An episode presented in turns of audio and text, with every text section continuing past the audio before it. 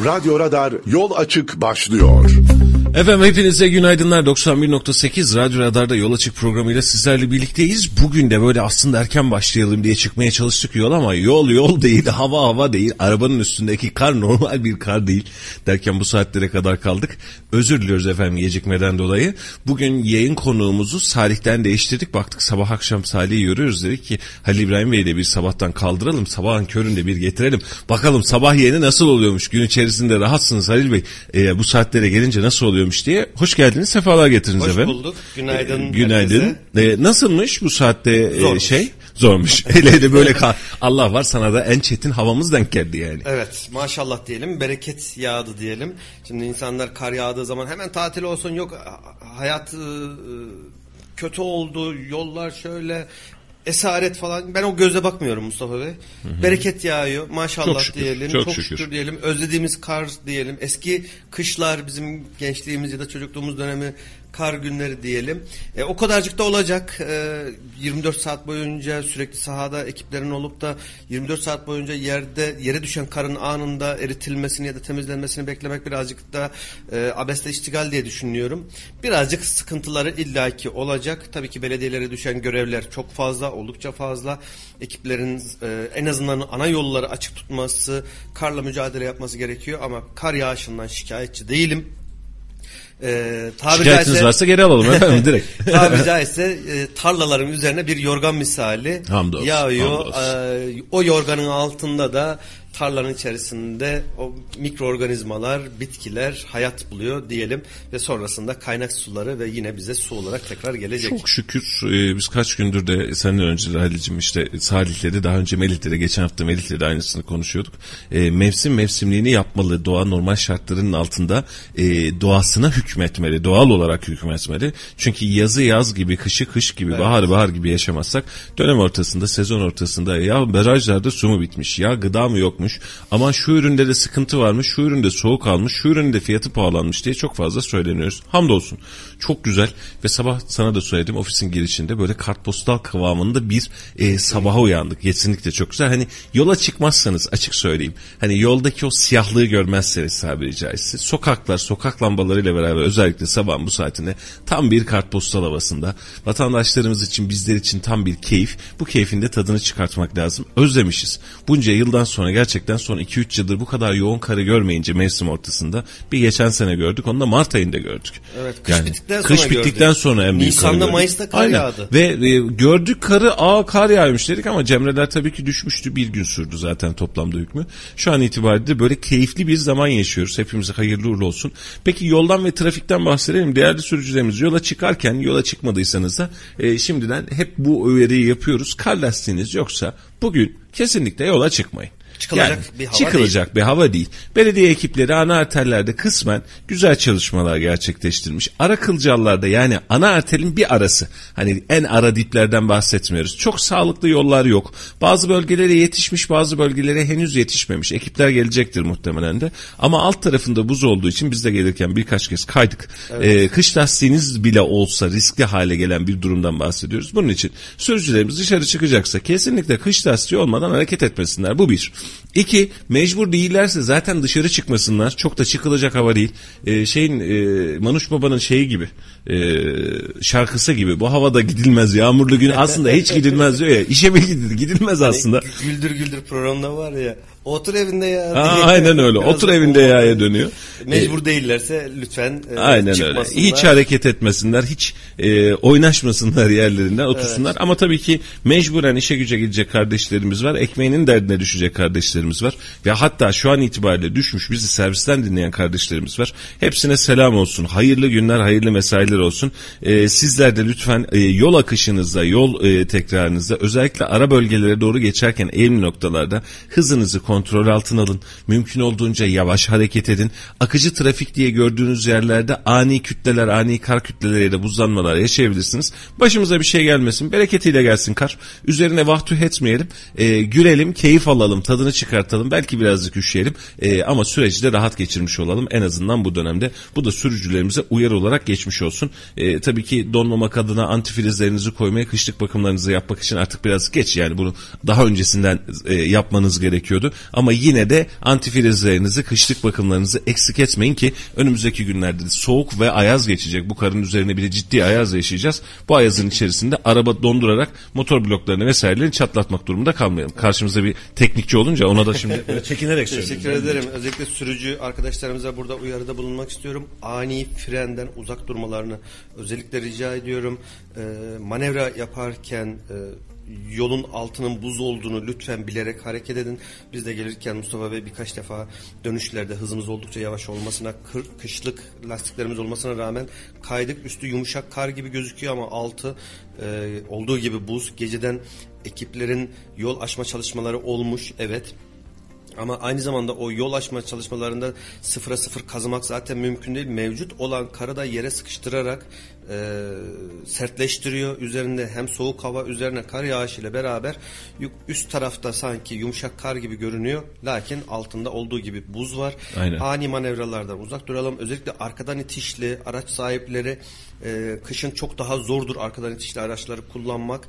E, şimdi marka model belirtmeyelim reklam olmasın ama ticari araçların birçoğu zaten arkadan çekişlidir.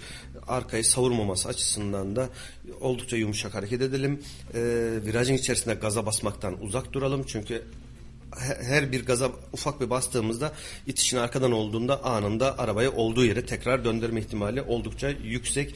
Lütfen bu konulara dikkat edelim diyorum. Herkese hayırlı günler, hayırlı sürüşler. Efendim Türkiye ne konuşuyor? Dilersen bir bana bırakalım. Türkiye iki gündür İstanbul'daki kar yağışına fokuslandı.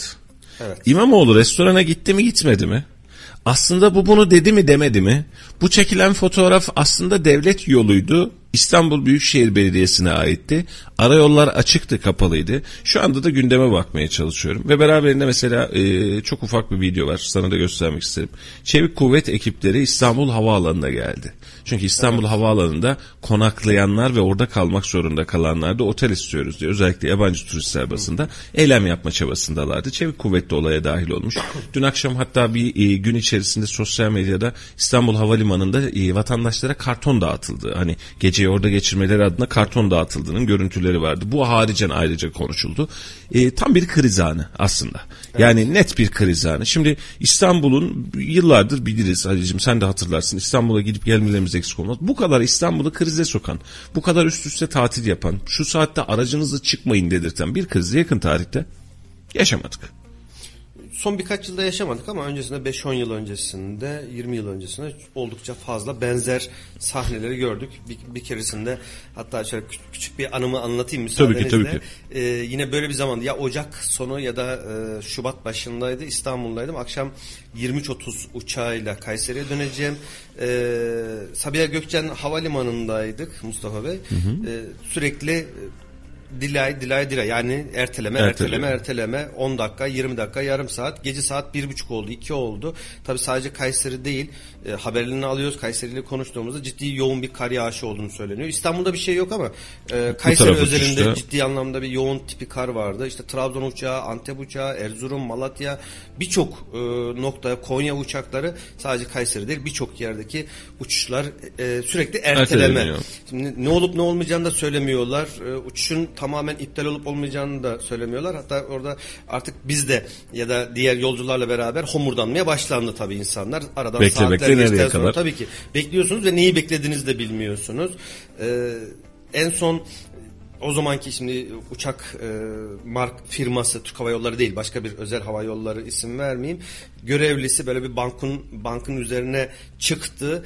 E, yüzlerce kişi o uçuş esnasında bekleyenler arasında yüzlerce kişiye hitaben sorunun İstanbul'dan kaynaklanmadığını, iniş yerindeki hava şartlarından dolayı uçulamadığını, pistlerin buz ve kar altında olduğunu söylediğinde ben orada aslında ona hitap etmemiştim ama şey demiştim.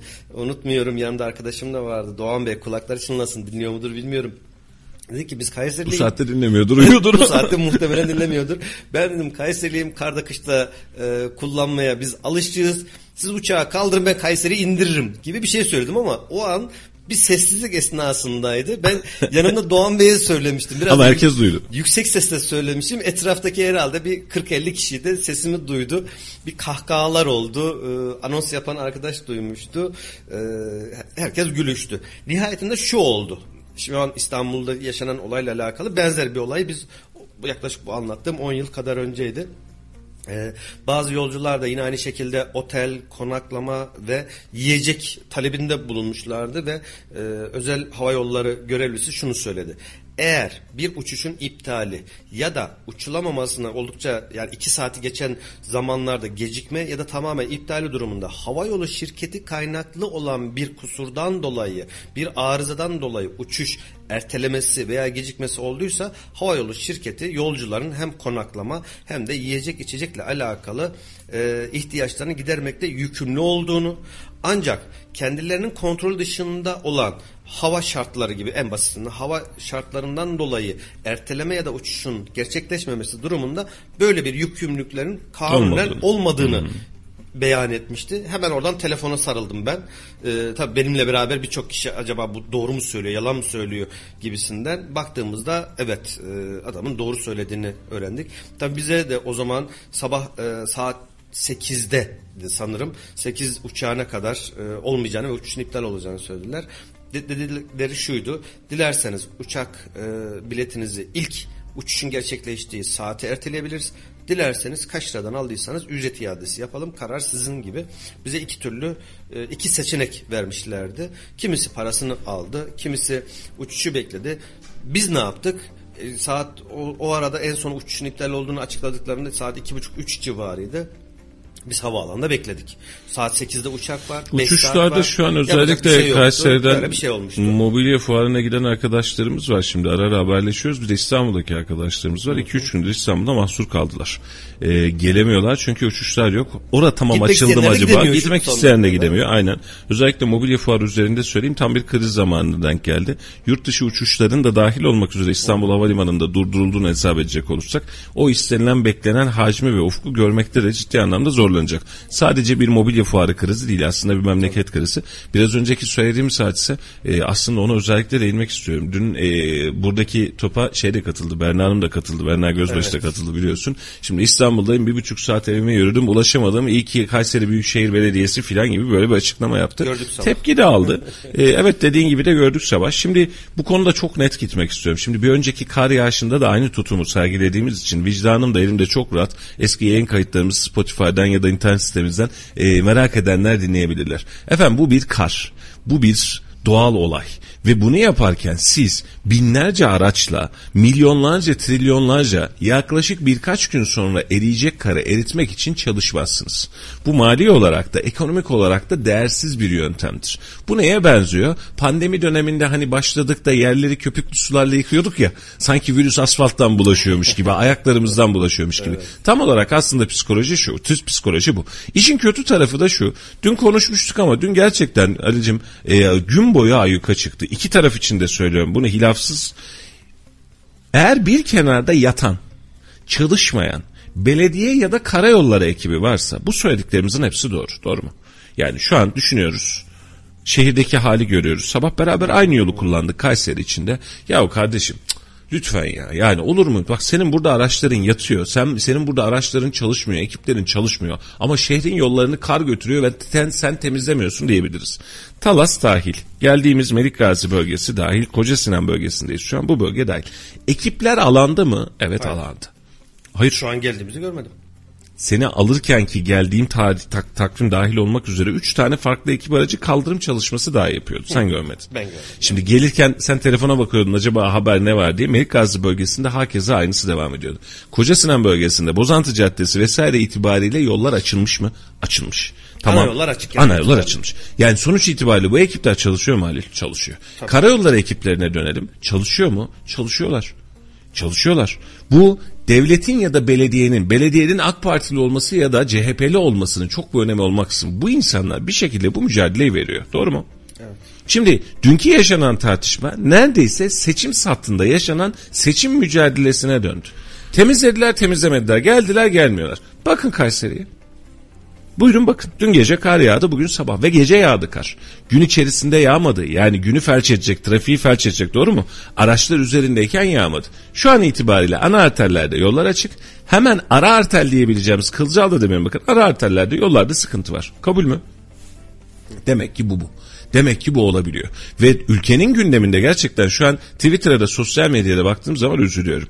Memlekette elektrik, doğalgaz, geçim, ihracat, elektriklerin olmaması, sanayide elektriklerin olmaması gibi konuşabileceğimiz ve hatta konuşmamızın üzerinde tedbir alabileceğimiz meseleler varken şu an tüm Türkiye sanki İstanbulmuşçasına biz Ekrem İmamoğlu mu temizledi, karayolları mı temizledi? Ekrem İmamoğlu mu restoranda acaba ekibin başında mıydı tartışmaya devam ediyoruz. Bu, bu memleketimiz ve memleketimizin idrak yolları için bence müthiş derecede acı, müthiş derecede gereksiz bir durum. Orada şöyle bir araya girmek istiyorum Mustafa Bey e, izninizle. Şimdi insanlar tabii ki bu kardan dolayı bir sıkıntı yaşanacağını biliyor. Kardan dolayı yolların e, kısmen kapanacağını ya da ulaşımda zorluklar yaşanacağını biliyor. İnsanlar bunu çok düşünmüyor. İnsanların asıl dert ettikleri ya da gündem konusu olduğu Ekrem İmamoğlu özelinde konuşalım. Sahada böylesine bir hengame varken insanlar 8 saat, 6 saat, 10 saat her neyse yolda kalmışken Ekrem İmamoğlu'nun e, bir balık lokantasında yemek yemesi yani sahada olmaması, işinin başında olmamasını dert ediyorlar. Önce yalanladılar. İlk dakikalarda yok öyle bir şey olmadı bilmem ne. Sonra fotoğraflar ortaya çıktı. Bu sefer dedi ki Ekrem İmamoğlu ya 19 saat mesai yapmışım bir saat yemeğimi çok gördünüz dedi. Sonrasında da e, dün akşam tekrar gündeme düştü, e, sosyal medyaya düştü. Aslında saat akşam 6'da gittiği ve saat 20.50'de e, mekandan ayrıldı ve bir büyük elçiyle beraber yemek yediği ortaya çıktı. Yani yaklaşık 3 saatlik bir mekanda kalma, 40 dakikalık mekana gitme ve 40 dakika yaklaşık da tekrar geri dönmeyle beraber toplamda 4 saat 5 saatlik bir zaman dilimini restoranda geçirdiği, restoran yolunun her 10 dakikada bir öndeki videolar ve çevredeki e, güvenlik kameralarından dolayı her 10 dakikada bir ekiplerin o yolu açtığı yani önceden planlı olduğu ortaya çıktı. İnsanların asıl kızdığı nokta bu oldu. Halicim, Şimdi ben Ekrem aynı İmamoğlu, aynı yerdeyim zaten. Evet, yok. E, Şimdi konuyu şöyle söyleyeceğim. Biz buna niye kızıyoruz? İstanbul'u kızsın. Türkiye'nin neden gündeminde bu var? Biz Türkiye'ye niye bunu mal etmeye şimdi, çalışıyoruz? Bu konuda yüzde yüz hemfikiriz ama Türkiye, Bak şu an sen Kayseri'de Türkiye'nin dörtte biri İstanbul'dan oluşuyor. Kayseri'de Ticaretin yüzde yetmişi İstanbul'dan oluşuyor. E tabii ki İstanbul bir anlamda Türkiye'nin e, büyük bir çoğunluğunun bir anlamda e, so, sosyoekonomik yapısından dolayı, Vallahi e, dolayı bu yapılanma ve bu ha, duruş ilgilendirmiyor. İlgilendiriyor. Bak 15 dakikadır bunu konuşuyoruz.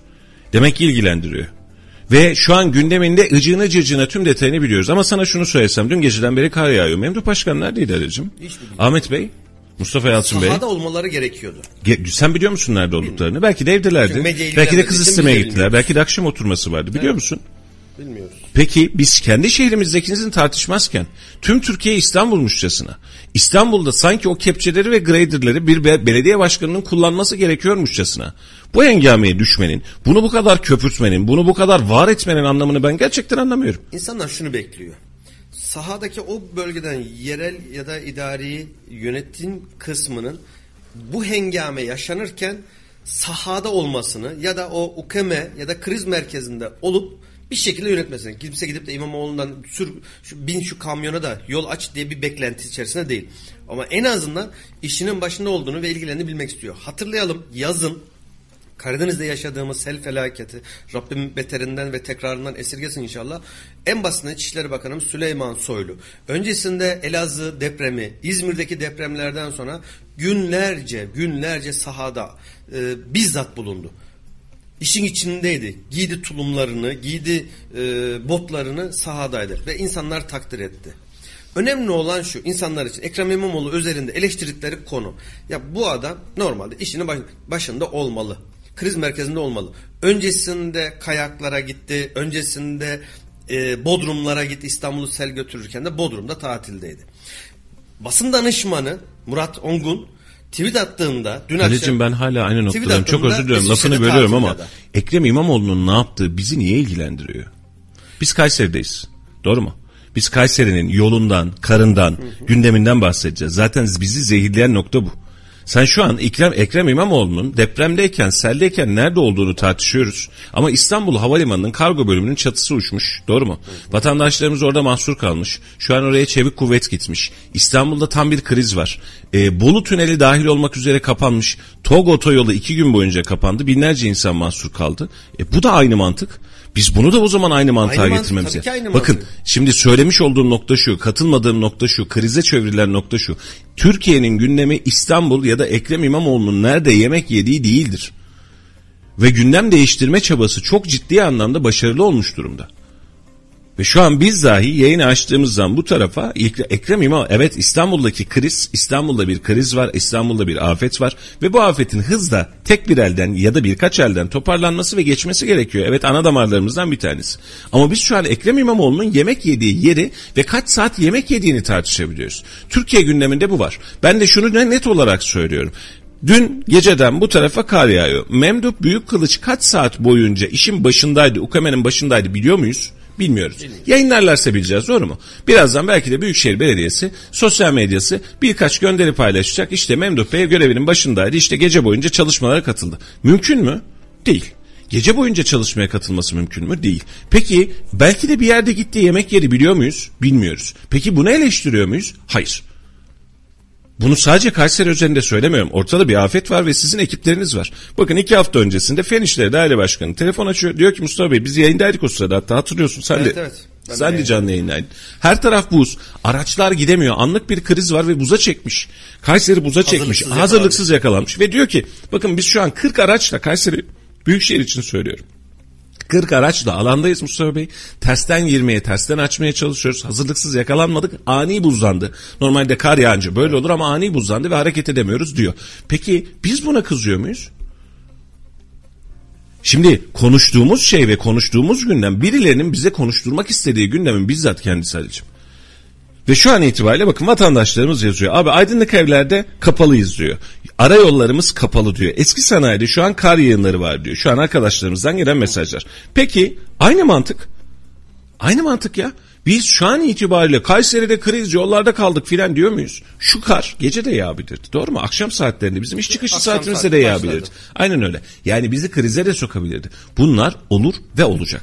Ben sadece şuna bakarım. Eğer belediyenin araçları karayollarının araçları saat itibariyle hareket etmiyor bir kenarda yatıyorsa, işçiler çalışmıyor ve bir kenarda yatıyorsa aman ne oluyorsa olsun diyorsa evet bu bir aymazlıktır. Bu bir beceriksizliktir. Bu bir yönetememedir. Buna bir itirazım yok. Tüm ekipler alanda, karayollar ekipleri alanda, büyükşehir ekipleri alanda ve böyle bir kurgusal değişim olamaz ya. Gerçekten olamaz. İstanbul Büyükşehir Belediyesi'ne ait, hayır karayollarına ait. Bu bunun görev alanında. Ben iki taraf için de söylüyorum. İki tarafın da birbirine yaptığı eziyet memlekete yapılan eziyettir.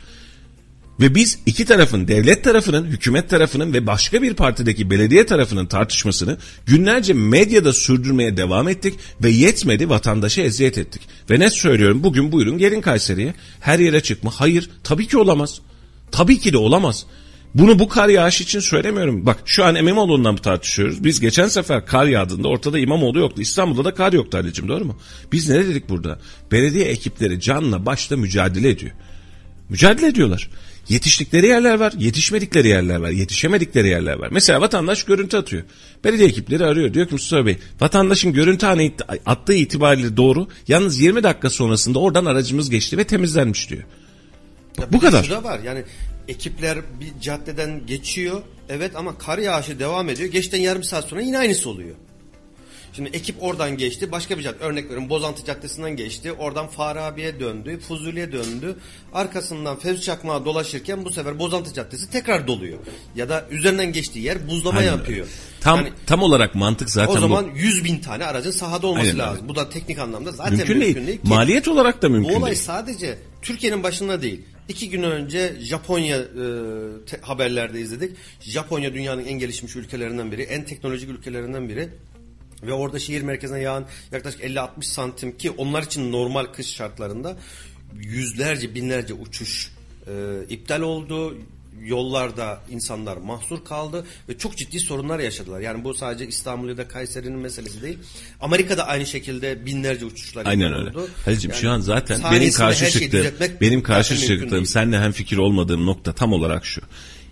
Kriz var ve kriz anında yeterli ve yetersiz olan çalışmalar var. Doğru mu? Ya bunu hep görüyoruz. Mesela eski dönemlerde hatırlayın şu an birazcık daha bunu açtık. 2 yıl öncesine 3 yıl öncesine kadar memlekette yoğun bir yağmur yağdığı anda her yer göl oluyordu.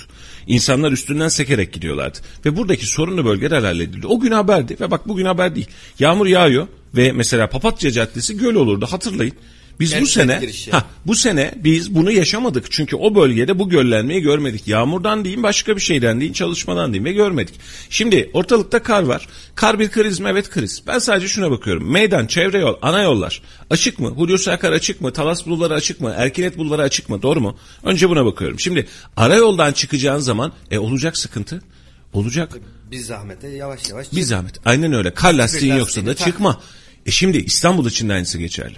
Yolda trafik var. İstanbul'da yaşamış bir insansın biliyorsun biz de yaşadık. Yani şimdi o hengamenin içerisinde boş olmayan bir yolda ekipler ne kadar çalışma yapabilir? Bizim buzlandığımız günkü kadar çalışma yapabilir. Yani bu bir kriz anı olur. Ve mesela otobanlarda da biz bunun aynı- aynısını yaşadık.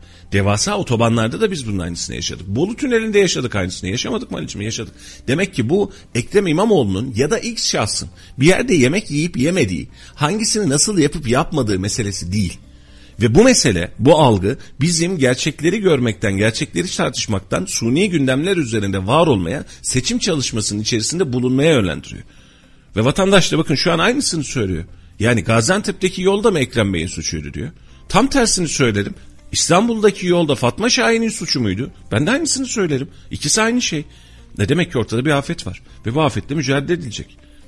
Ve bunlar da geçecek. Ve son yıllarda baştan söyle son yıllar uzun zamandan beri görmediğimiz kara kışı görüyoruz. İnsanlar biz Kayseri'de mecburen kış lastiğine geçiyoruz. İstanbul'da kış lastiği kullanan var mı? Yok. Adamın çünkü yolu hiç kapanmıyor ki. Normal şartlarda hiç kapanmıyor. Bu kez kapandı. Ve adam yani yıllara sahip hiç kimse kar lastiği kullanmaz biliyorsun Ali'cim orada. Yani çok nadirdir kar lastiği, kış lastiği, kar tipi lastik kullanan. Ve bu bir kriz haline geliyor. Ve takıldığım nokta ve kızdığım nokta ve karşı çıktığım nokta şu. Sen, ben bir insanın hangi tarihte nerede yemek yediğini, onun üzerinden kaç kez araç geçtiğini ve bunu da hatta devlet imkanlarıyla bize anlatan bir sistemin karşısında durmalıyız. Dur abi ne yapıyorsunuz siz? Ne yapıyorsunuz siz? Ekrem İmamoğlu görevinin başında değildi. Memduh Büyükkılıç da değildi. Bilmiyoruz nerede olduğunu. Zaten başında olmak zorunda değil o belediye başkanı. UKM'nin başında birisi var, Fenişlerinin başında birisi var, karayollarının başında birisi var. Yok mu? Şimdi şöyle mi yapıyoruz mesela? Cumhurbaşkanı Recep Tayyip Erdoğan Karayolları Bölge Müdürü'yle grader'e bindi diyor muyuz? Ya da İçişleri Bakanı demiyoruz.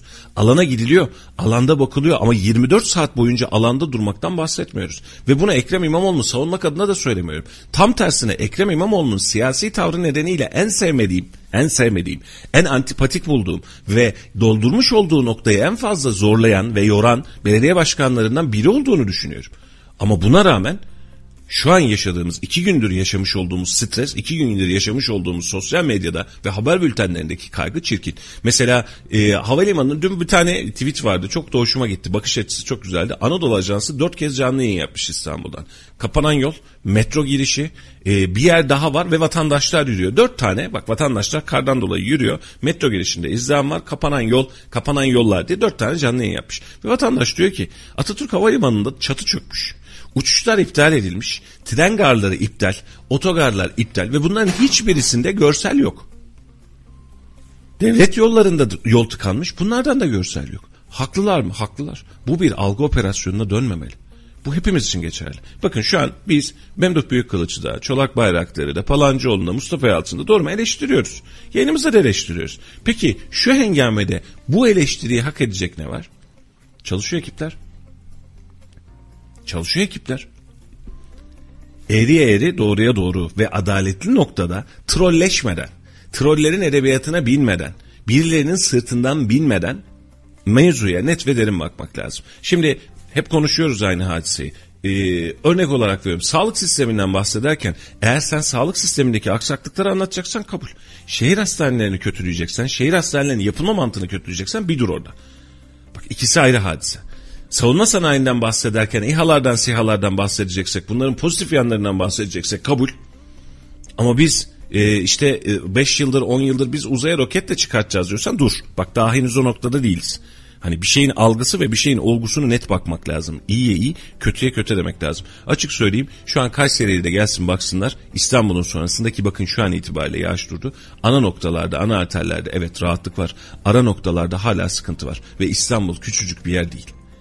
İstanbul yüz ölçümü olarak da şehir yerleşimi olarak da yüz ölçümümüz belki daha büyük ama şehir yerleşimi olarak Kayseri'den kat ve kat yollara sahip bir yer.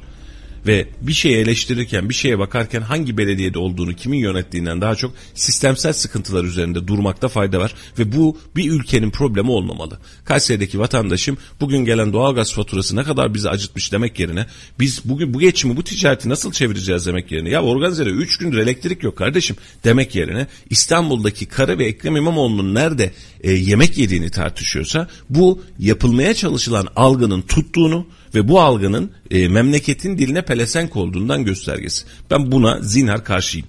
Ve biz de yarım saattir buna e, tabiri caizse alet olduk ve konuşuyoruz. Vatandaşlarımız e, sosyal medya üzerinden bizlere e, mesajlar göndermiş Mustafa Bey. Elektrik zammından bahsedin diyor. Temel gıdaya yapılan günlük zamları kontrol eden hangi mekanizma diyor. E, iyi yayınlar dileyenler var. Ümit Seven Bey, Ayşe Uzundağ, Karabulut, Gülay Kumlu, Savaş, Kubilay Korkmaz beyefendiler ve takipçilerimiz ve dinleyicilerimiz elektrik zamları e, yavaş yavaş canımızı acıtmaya başladı. Mustafa Bey. Evet. Kademeli geçişle beraber 200 TL, 210 TL gelen elektrik faturaları 500'ler, 600'leri gelmeye başladı. 300-400 TL gelen elektrik faturaları binli rakamları görmeye başladık. Ee, özellikle ticari işletmeler için, esnaflar için neredeyse e, verdiği işletmesine verdiği kira bedeli kadar elektrik bedeli vermeye başladı. Birçok firma için ya da e, küçük esnaf için oldukça sıkıntılı e, bir durum. Aynı şekilde doğalgaza gelen ciddi zamlar e, can acıtmaya başladı. Ev kirası kadar elektrik ve doğalgaz verilmeye başlanan bir döneme geldik. Keza aynı şekilde günlük 5-10 kilometrelik bir mesafede araç kullananlar için aylık maliyeti yaklaşık 1500 liralara varan 3 depo demek zaten en az deposu olan bir 40-45 litrelik deposu olan bir araba için bile 3 depo harcıyorsa en az 2000. 500 TL'ye 500'e doluyor. geçiyor 40 En az 45 500 TL Doğru. 40 litre. En az 500 TL 3 depo harcayan 1500 4 depo harcayan 2000 lira. Ve yine söylediğim gibi ev kirası kadar. Yani bir insan arabasıyla günlük 10 kilometre yol gidiyorsa e, elektrik, doğalgaz ve akaryakıt sadece verdiği para aylık 2500-3000 liraları bulmaya başladı. Asgari ücretli nasıl geçinsin? Birinci soru. Kiralar almış başına gitmiş. Her gün ya da her hafta markete gittiğimizde ürünlerin fiyatlarını hala değişiyor olarak görüyoruz.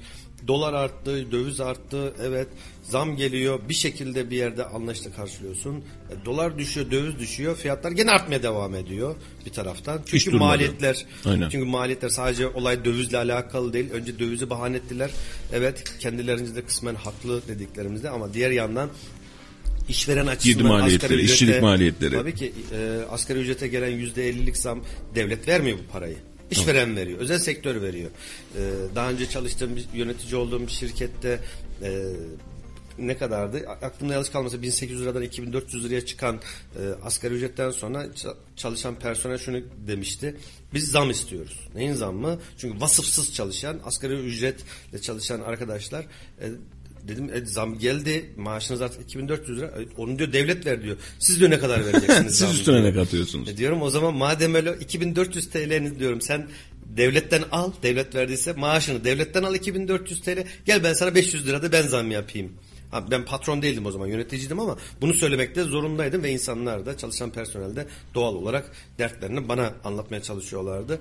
Bu, algı bu. Yani bunu devlet yaptı. İşveren üzerine ne kadar yapacak? Hadi bir yüzde on yüzde sen şimdi yap, çalışan için var. e, biraz e, aslında kaç gündür de konuşuyoruz şimdi mesela enerji fiyatlarındaki artış sadece elimizde hükümetin elinde olan bir hadise değil. Tabii. Dünya genelinde enerji fiyatlarında, akaryakıt fiyatlarında ciddi artışlar var. Bunu kesinlikle kabul ediyoruz baştan bu tarafa. Mesele şu. Kullanmış olduğumuz standartlar ve enerji tüketimimizi değiştirebilecek bir ivmemiz yok. Ve bu enerjiyi içli üretme ivmemiz de yok. Ve az. Bundan kaynaklı olarak da biraz önceki dediğin enerji fiyatları çok arttı bu bizden kaynaklı değil. Evet tespit doğru. Ama vatandaş zorlanıyor. Vatandaş ciddi anlamda zorlanıyor. Biz de zorlanıyoruz. E dün bir esnaf ziyaretinde seninle beraberdik Muhammed kardeşim. Şu an dinliyordur belki de ona da selam olsun. E insanların sıkıntılarını görüyorsun. Çalışanlar, işçiler, işçilerin sigortaları, maaşları, kira giderleri, euro üzerinden kira giderleri. Bunların tamamının içerisinden esnaf kalkmaya çalışıyor ve bunu yaparken de iş yokluğuyla karşı karşıya. Yani adam 100 liralık malı satamadım diye akşama kadar ayıplanıyor. Abi cebinden para çalınmış gibi oluyor diyor. Durum bu kadar vahim. Çünkü esnafın da bu anlamda canı e, satış yapacak ki masraf ödeyecek. Satış yapamazsa neyle ödeyeceksin bu masrafı? Mecburen kalıyorsun aynı noktada. Ee, bir taraftan da şimdi hangi bakanımızdı yanlış e, telaffuz etmek istemiyorum. Sanayi Bakanımız mıydı ya da Maliye Bakanımız Avrupa'nın en ucuz akaryakıtını kullanıyoruz diye bir açıklaması oldu biliyorsunuz. Evet. Ee, Avrupa'da bir buçuk eurolar e, yani 25-26 Türk lirası olarak e, bir benzin ya da mazotken işte Türkiye'de 13-14 liralar olduğunu ve çok daha ucuz olduğunu söyledi. Evet TL anlamında yüzde yüz doğru. Avrupa'da bir buçuk e, euro bunun karşılığı da bir buçuk euro ne kadar yapıyor? 25-26 TL. Doğru. Türkiye'de 13.80 14 lira. 1 Doğru. euro. Ama 1 1 dolar hatta. ama ha, evet 1 dolar. Evet ucuzuz ama şu var yani Avrupa'da en düşük asgari ücret alan kişi 1600 euro alıyor. 1600 euro karşılığında 1.5 olan euro karşına 1066 litre Yakıt alabiliyor. alabiliyor. 1066 litre yani 1 ton hadi düz hesap diyelim. Küsuratını da boş ver. 1000 litre yakıt alıyor. 1000 litre yani 1 ton yakıt alabiliyor. Geldik Türkiye'ye asgari ücret yeni zamlandı 4250 TL. Tersinden Benzin- gidelim. 1000 ton yakıtı 1000 litre yakıtı almak için Türkiye'de ne kadar para 14 bin ihtiyacımız var? ihtiyaç 14 bin liraya ihtiyacımız var. Yani Biz ne kadar birindeyiz. alıyoruz? Biz şu an 300 litre alabiliyoruz. Evet. TL bazında evet doğru ama onların aldığı asgari ücret ya da he- genel ortalama sadece asgari ücret demeyelim genel ortalama anlamında biz onları alamadığımız için insanlar doğal olarak bunu söylüyor. Fransa'da yaşayan bir arkadaşımla konuştuğumuzda birkaç kalem üründen bahsettik. Türkiye'den pahalı olan tek konu tekel ürünleri. 7-800 eurolarda bir paket sigara. Şimdi burada çok da telaffuz etmek istemiyorum ama Türkiye bu anlamda oradan daha ucuz ya da asgari ücrete karşılığında alınan miktar olarak. Tabii ki olsun daha beter olsun. Çok daha fazla artsın insanların tüketimi azalsın. Bu başka bir konu İçen ama, içmeyen belli olsun. ama bir e, insanların temel hayatını devam edecek temel gıdalarını alma noktasında çok basit birkaç örnek verdi. En basitinden bir kilo muz dedi bir avro. 1600 kilo alabiliyor. 1600 kilo. Ama Türkiye'ye döndüğümüzde hadi muz da artık e, lüks tüketim mallarına girmeye başladı ama bir bakıyorsun 250-300 kilo alabiliyorsun.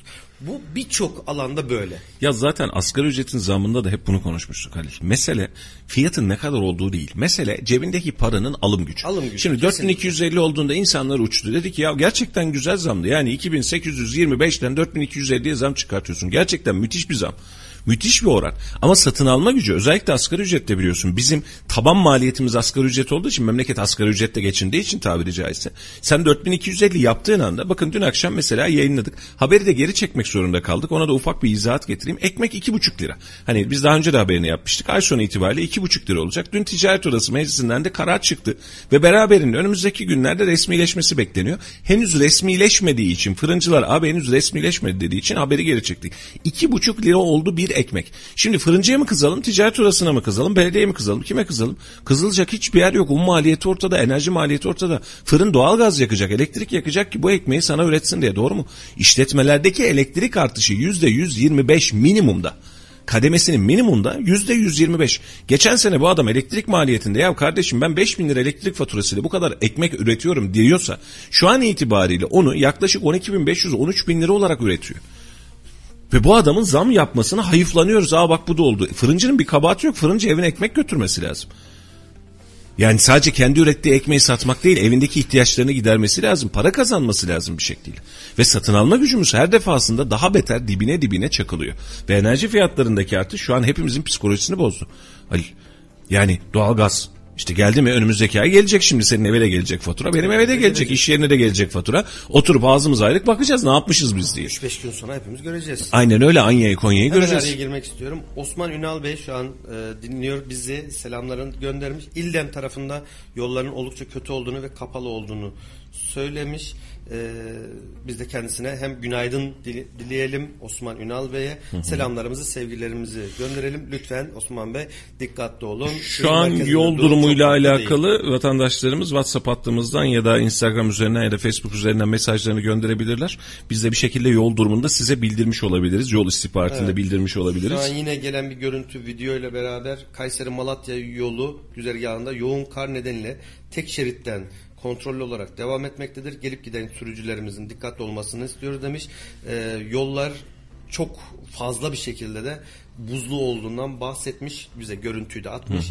Biz şu an görüntü izliyoruz ama dinleyicilerimiz göremiyorlar tabii. Evet aynen bahsettiğim Yollar gibi. sıkıntılı. Yollar Biraz önce de bir son dakika haberi geldi. TAG otoyolu meşhur e, Tarsus, Tarsus, Adana, Adana, e, Gaziantep e, otoyolu biraz önce yine kapanmış. E, artık ulaşım sağlanamıyor. E, kar etkisi göstermeye devam ediyor ve önümüzdeki günlerde de kar ve buzlanma etkisini devam ettirecek e, ve trafiğe çıkacak vatandaşlarımızın özellikle şehirler arası yollar konusunda dikkatli olması hatta mümkünse aciliyetleri yoksa çıkmamaları önemli rica olunur.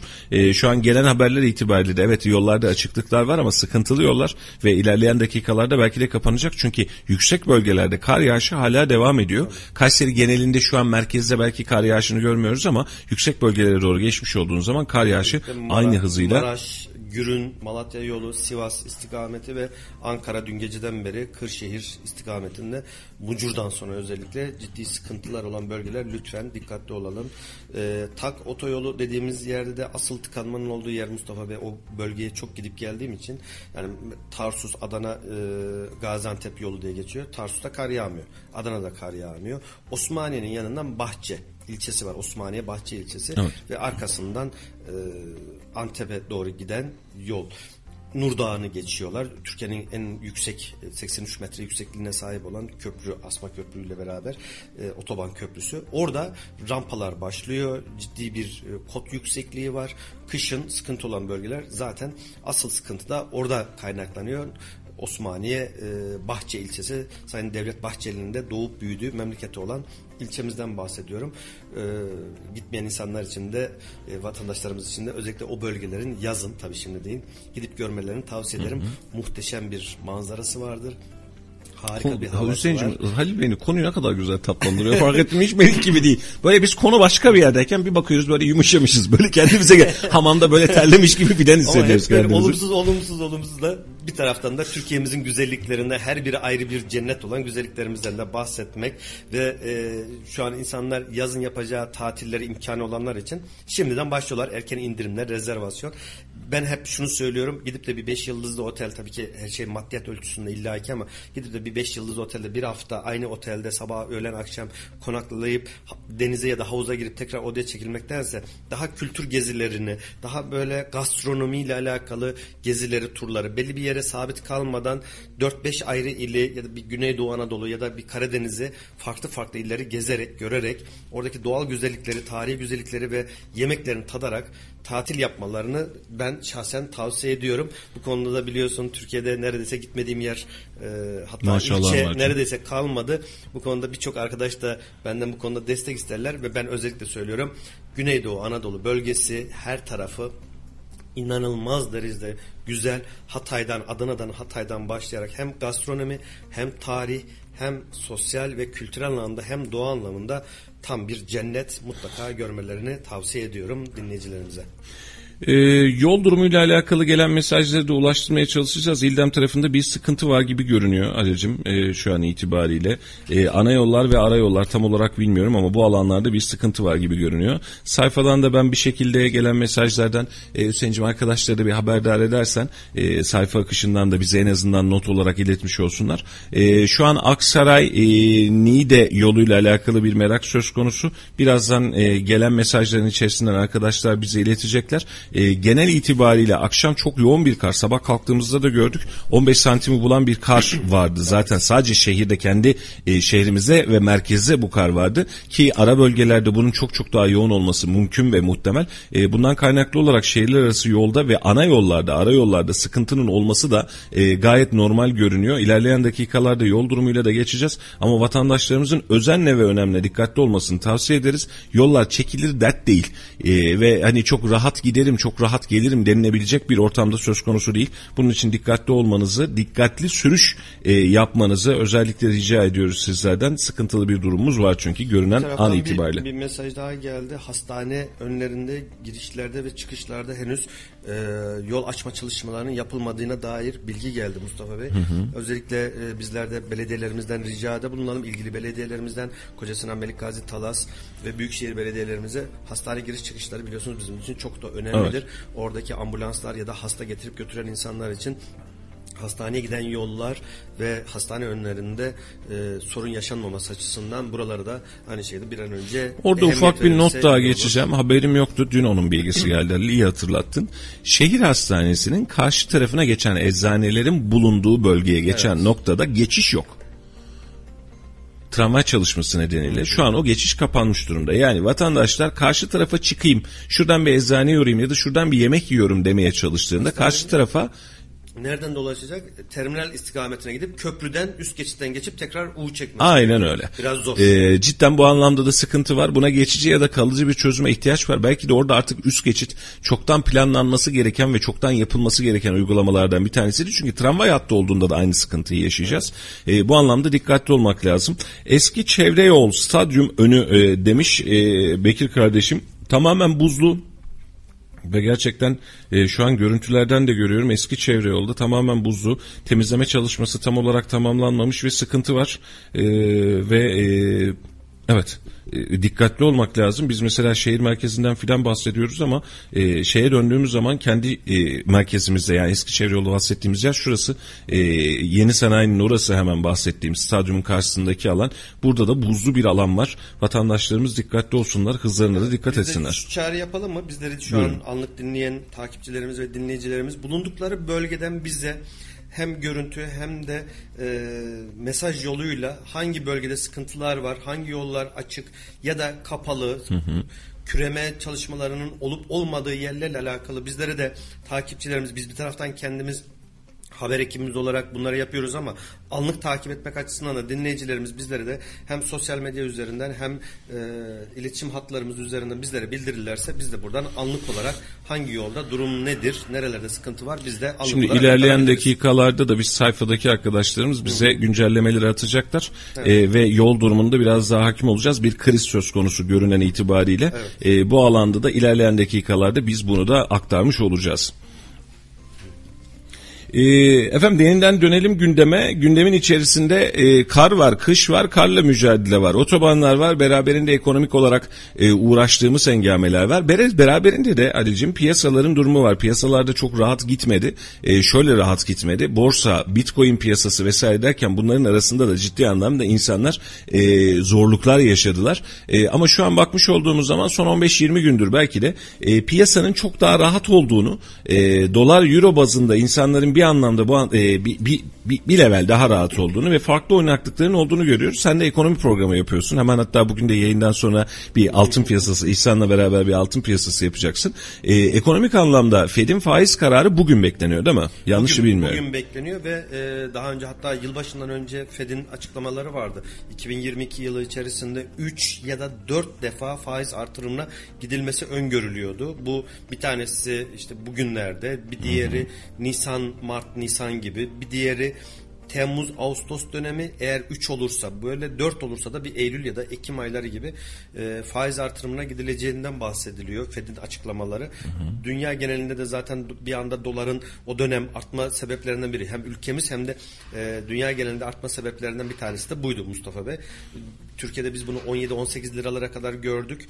E, evet ama bu olay sadece Türkiye'de olmadı. En fazla olan ülkelerden biri Türkiye evet ama başka ülkelerde de %10, 20, 30 oranında yaklaşık dolar e, genel dolar seviyesi yükseldi ama Türkiye'de bir anda 2-2,5 katına çıktı birkaç ay içerisinde. E, FED kararı tabii ki hem dünya geneli içerisinde bizim için de önemli. Faiz artırımı neden oluyor? E, Amerika ve Avrupa'da yüzde birler seviyesinde ya da 0.5 seviyesinde olan genel enflasyon yüzde beş altı altı buçuklara kadar çıktı. Şimdi 100 dolar alınan bir şey bir yıl sonra 106 dolar çıkıyor. Bizim için çok komik geliyor. Bizdeki şu an yüz, reel an- yani resmi anlamda yüzde 30 35 ama sahaya indiğimiz zaman yüzde 100 yüzde 200'leri gördüğümüz yerde Enflasyon 100 liralık bir şey 106 liraya almak bizim için komik ama Amerika için öyle değil ya da Avrupa için öyle değil. Aslında biz hala aynısını alıyoruz. Yani 100 dolar alıyorduk 106 dolar alıyoruz aslında ama beraberinde dolar katlanmış olduğu için biz onun arkasına yetişemiyoruz. E, tabii ki. Bize de aynı aslında. Yani senle hep iki yıldır aynı hengame yaşarız. Şimdi e, Halil'le uzun mesailerimiz var sağ olsun. E, beraber günü e, çok çoğunluğunda da geçiriyoruz. Şimdi herhangi bir yere gittiğimiz zaman bir fiyatı gördüğümüzde otomatik olarak psikolojimiz bozuyor. Ya bir şey alacağız ya buna kadar paraymış filan diyorum. İki yıldır yapıyordum Halil benimle dalga geçerdi ya her şeyi böyle yapıyorsun diye. Doğrudan dolara çarpıp bölünce ya normal işte 10 dolar tutuyor. Normal işte Beni de 5 dolar tutuyor diyorduk. Yok şimdi ben değil aslında piyasa alıştırdı. Sizi de piyasa alıştırdı. Şu an baktığımız zaman gidiyoruz. Ya ya ne kadarmış acaba diyorsun. Bir bakıyorsun ya çok da bir şey değilmiş 10 dolarmış işte diyorsun. Geçiyorsun işin içerisinde. Mustafa Bey hatırlarsınız 90'lı yıllar ya da 2000'lerin başına kadar hep Kayseri özelinde hatta birçok e, şehrimizde vardı ama Kayseri'de daha fazla vardı. Ev, araba gibi ya da arsa gibi şeyler ya da kiralar hep Euro üzerinden olurdu. Öncesinde mark, Alman markı, sonrasından Avrupa Birliği ile beraber markın sona erip Euro'ya geçmesiyle beraber işte örnek veriyorum 3000 mark kiralar 3000 4000 markken Euro'ya geçtiği anda bir anda 3000 Euro oldu. Evet. Bir anda euro ile beraber değişti. Ya e, mark atıyorum 1 lira, euro 2 lira. Bir anda aslında eski marka göre 3000 mark olan şey aslında 6000 marka bir anda çıktı. Alırken satarken hep döviz bazındaydı. Sonrasında 2000'lerin başından itibaren TL'ye döndük, aylık ödemelere döndük ama şimdi artık şu son birkaç aydan beri tekrar euro e, ya da dolar bazında alınıp satıldığını resmi anlamda yine TL'ye dönüyor ama insanlar diyor işte ev satarken 100 bin dolar diyor örnek veriyorum. 100 bin dolar diyor ama işte satarken ki o günkü kur üzerinden TL cinsinden insanlar alıp satmaya başladılar ya da kiralar buna dolar ve euroya dönmeye başladığı haberleri geliyor. Tekrar 90'lara tekrar dönüyor muyuz diye düşünmeden edemiyorum.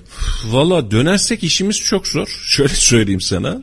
2004 ev kiraladım. Geçen gün aklıma geldi. Ne kadara tutmuşum ev biliyor musun yıllık kirasını? 1600 euro. 1600 euro. Şu an bir hesap etsene. 22 bin Aynen TL, öyle. Yok 23 bin lira. Yani Daha 2000 fazla. 2000 e, lira bandında zaten o dönemde kira ödüyormuşuz diyoruz. Aslında biz e, kaybettiğimiz şey dolar ve euroya dövize karşı var olan direncimizi kaybettik zannedersem. Yani eski düzenden de bakalım. Mesela Hadi'cim şöyle düşünelim. İyi bir ev almak istiyorsan kaç liraya alırdın memlekette? İyi bir ev. Hangi tarih? Yani atıyorum e, sene 2010'lar. İyi bir ev alacağım. Yani 100, 150 bin TL'ye çok güzel evler alınabiliyordu. Dolar olarak bak. Dolar olarak da o zaman 70 ila 100 bin dolar arası ya da euro arası doğru mu? Yani iyi bir ev oturulacak iyi bir ev 100 bin euro civarında yapıyordu. Şu an 100 bin euro ne yapıyor? 1,5 milyon. Şu an iyi bir evde hala bir buçuk milyon aslında. Yani bizim kaybettiğimiz, bizim endişelendiğimiz ve yetişemediğimiz noktada bu. Vatandaş bunun hesabını yaparken aslında daha net çıkıyor. Yani mesela şöyle düşünelim. Bakın altında ons fiyatı çok karmaşıktır vesairedir hani o dengeler birazcık daha çıkıyor ama bundan 5 yıl öncesinde 4 yıl öncesinde almış olduğumuz dolar euro bazında maaşımız cinsimiz ve gelirimizi ve bugünkü gelirimizi hesap ettiğimiz zaman aslında neyi kaçırdığımızı bir kez daha anlıyoruz. Ve bu arada tüketim grubu da aynı fiyatta arttığı için aradaki makas daraldı. Şimdi dün bir arkadaşımla konuşuyorum o da memur. Ee, Abi bizim için hayal oldu diyor. Yani bir ev almak, bir bir şey almak bizim için gerçekten hayal oldu. İş çıktı. Bir turizmcimiz vardı. Dün e, kulakları çınlasın ismini anmayayım. Tanıdık bir turizmci Kayseri camiasında. E, Mustafa Bey diyor artık turizm tamamen bir lüks işi oldu. Tamamen bir lüks işi oldu. Sebep önceden orta gelirli bir şekilde tatile gidebiliyor. Doğru mu? Memur, işçi vesaire. Yılını toparlıyor. Yani 3-5-8 bin lira para ayırdım diyor. Ben 3-5-8 bin lirayla bir tatil yaparım kardeşim diyor. Yapıyor muydu? Yapıyordu. Ama şu an geldiğimiz gündeme bakın öyle bir tatilin imkanı kalmadı.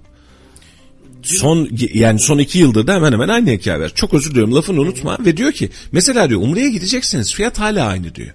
Aslında değişmedi diyor. Bin dolar civarındaydı hala bin dolar diyor.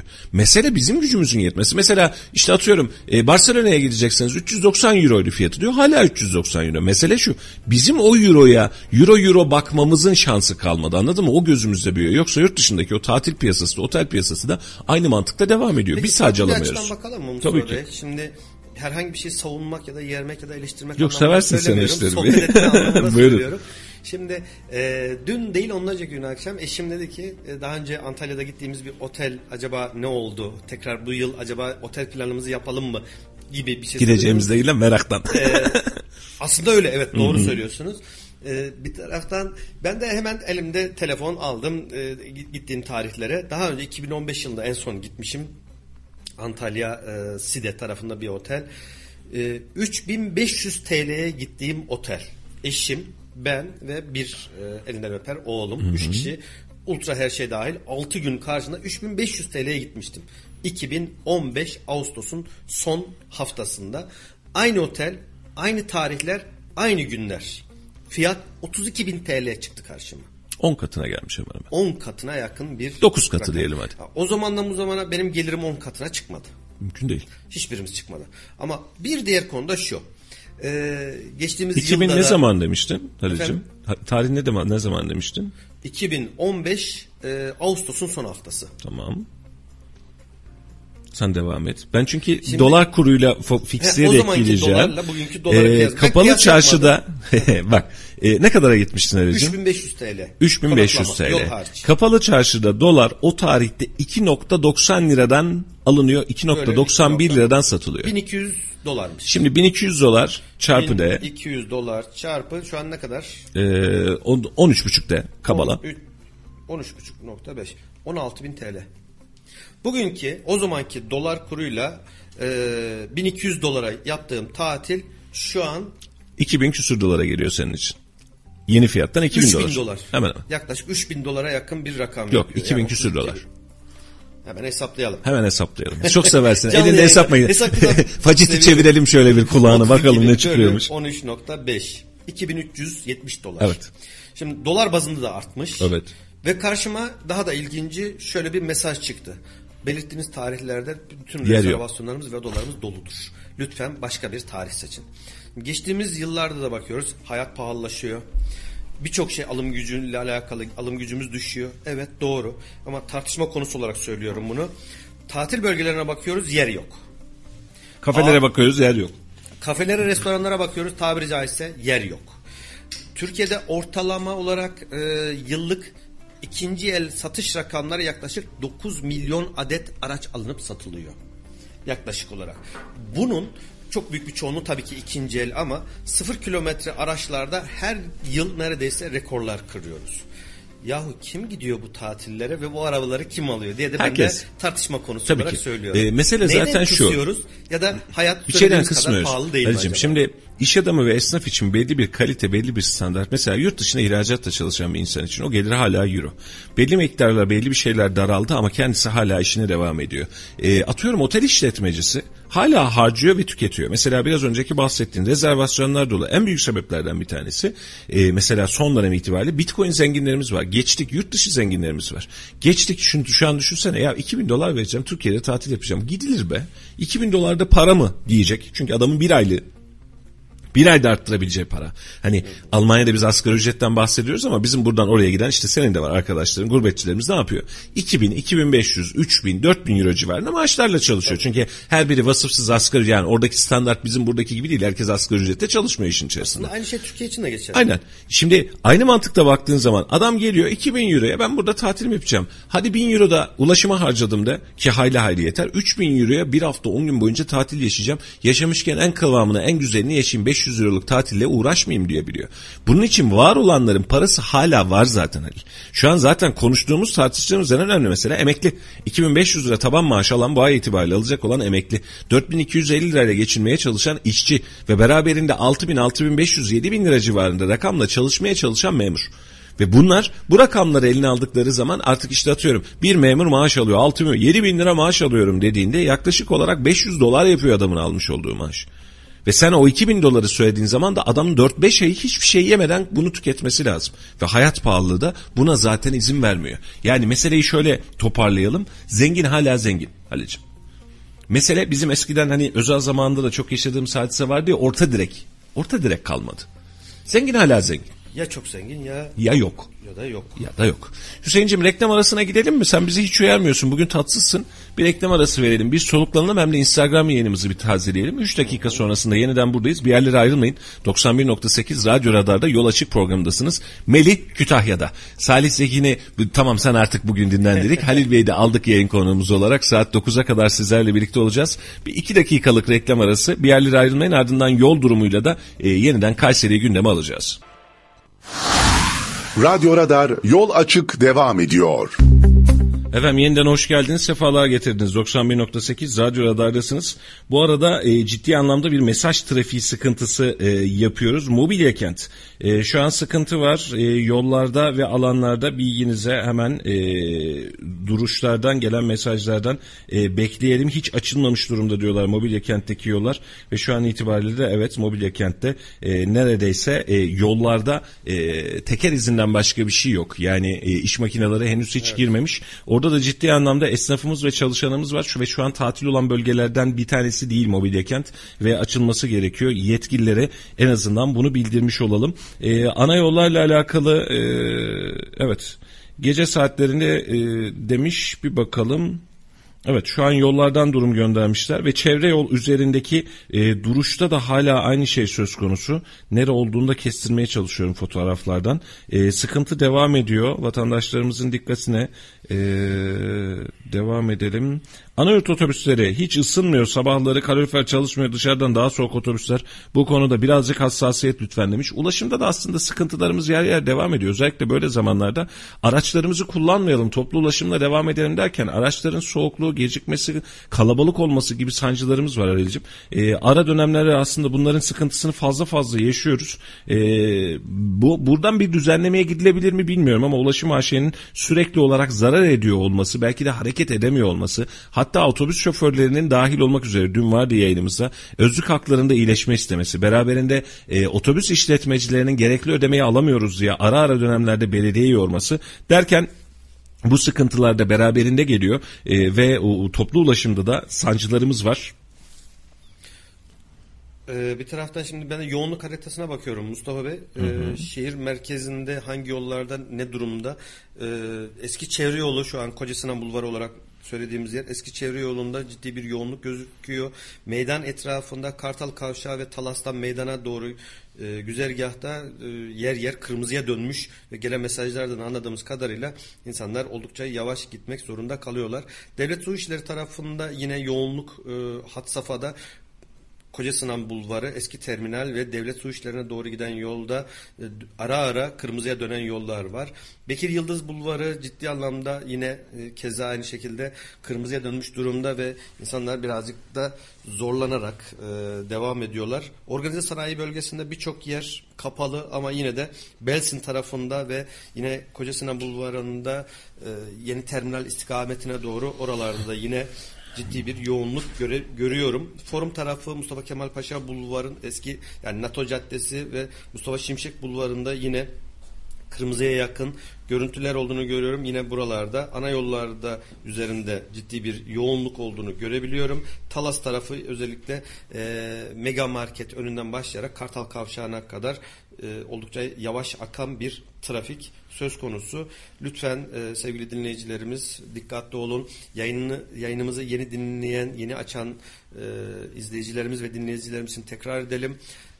Şu an itibariyle ana yollar açık gibi gözükse de gördüğünüz yumuşak karın altında ciddi Buz bir var. buzlanma var. Evet. Lütfen sürüş e, çok dikkat edelim sürücülerimize söyleyelim. Ani fren ve ani manevralardan kaçınmalarını söyleyelim. Şu an karayollarına bağlı eski çevre yolu, yeni çevre yol dahil olmak üzere bu alanda da sıkıntılar görünüyor. Gelen mesajlardan bunu anlıyoruz. Zeminde buzlanmalar var ve yol tam olarak kendini açamamış durumda. Allah'tan ki bugün organize kapalı, Allah'tan ki bugün okullar yok. Kesinlikle. Hani bu da bizim için. Gerçi okullar olsa muhtemelen zaten Vali Bey bugün itibariyle tatil ederdi. Şimdi birkaç kardeşimiz mesaj göndermiş. Yayında da vardı. Özel kolejlerin tatiliyle alakalı bir soru var. Efendim şu an resmi olarak zaten tatil sömestrdeyiz. Özel kolejleri, özel kolejlerin sınavları veya eğitim verip vermemeleri kendi inisiyatiflerinde. Yani bunu kolejlerinizle görüşecek olursanız onlar da birazcık ellerini vicdanına koyacak olurlarsa iyi olur. E, tabii ki eğitim devam etsin. Sınav zamanı hazırlanan çocuklar var, sınavlar var, denemeler var vesaire var diye bakılıyor. Ama şu havada insanları okula Onlar da- çağırmamak lazım. Yani On- onlar da aynı şekilde tatil. e, Dün akşam yani, mesaj geldi. Yani şu an bazı özel okullar hala bunu ilan etmemiş. Vatandaş da şöyle bekliyor. Valilikle görüşsek de diyor. Yani valilik bunu verse zaten tatil. Zaten. Vali Bey hani okullarla alakalı bunlar da tatil olacak diye bir bildirim yapmasına gerek yok. Okullar zaten halihazırda tatil. Bunun için de rahat duruyoruz aslında. E, ama özel okullar eğitime ya da dershaneler eğitime devam etmek ısrarındaysa göndermek zorunda değilsiniz. Bu bir mecburiyet Hemen değil. bir konuya girmek istiyorum. Mustafa Bey. Ee, bu tür afet durumlarda ya da hava koşullarından dolayı e, ilgili valilikler ya da kamu tarafından hemen açıklanan e, özellikle engelli ve hamile olan çalışanların idari izni sayılacağı Doğru. kamuda söyleniyor. Peki onlar insanda özel sektörde çalışanlar insan değil mi? Ben bu soruyu sormak istiyorum. Şöyle bir açıklama yapmaları gerekmiyor mu?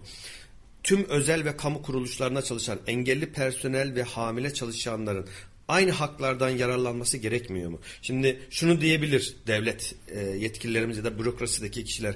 Ya ben devlete karışırım, ben valiyim, kamuda çalışanlara ben e, izni vermekle yükümlüyüm ama özel sektörde işveren sorumluluğundadır. İsterse izin verir, isterse vermez dediği anda buna izin verecek doğru düzgün bir Allah'ın kulu ben işveren tanımıyorum. Yok. Yok, vermez. Evet.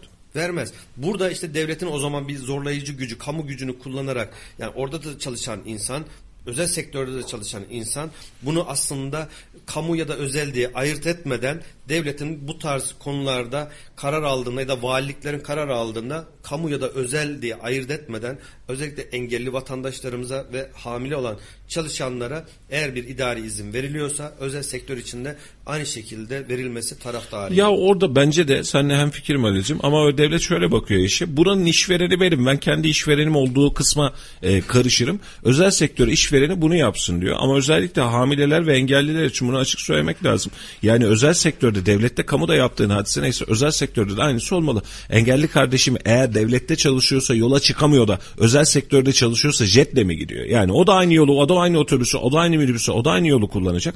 Yani seninle yüzde yüz hem fikrim. Beraberinde de özellikle hamile ve engellilerle alakalı bu konuda hem fikrim. İki, e, bu tür kış zamanlarında, koyu kış zamanlarında işverenin de daha müsamahakar olması gerektiği kanaatindeyim. Mesela işveren de bazen şöyle yapıyor.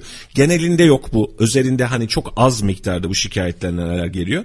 Eee Kar var, kış var, yoğunluk var, sancı var, yollarda sancı var. Biz bile buraya gelirken yani normalde 10-15 dakikada gelebileceğimiz yolu 45 dakikaya yakın bir mesafede geldik. Arabayı temizle, yol aman kaymayalım filan derken buna da birazcık insanların da işte işverenlerin de müsamaha göstermesi lazım. E, çünkü insanlar seve isteye bilerek karın üzerinde dans ederek gelmeye çalışmıyor. Yani kar yağmış biraz kar topu oynayayım da öyle gideyim demiyor. Yani yol şartları, hava şartları belli, malum ve insanlar da dünden bunun planını yapmıyor. Diyor ki ben her gün olduğu gibi saat 7.30'da çıkacağım ve otobüse bineceğim diyor.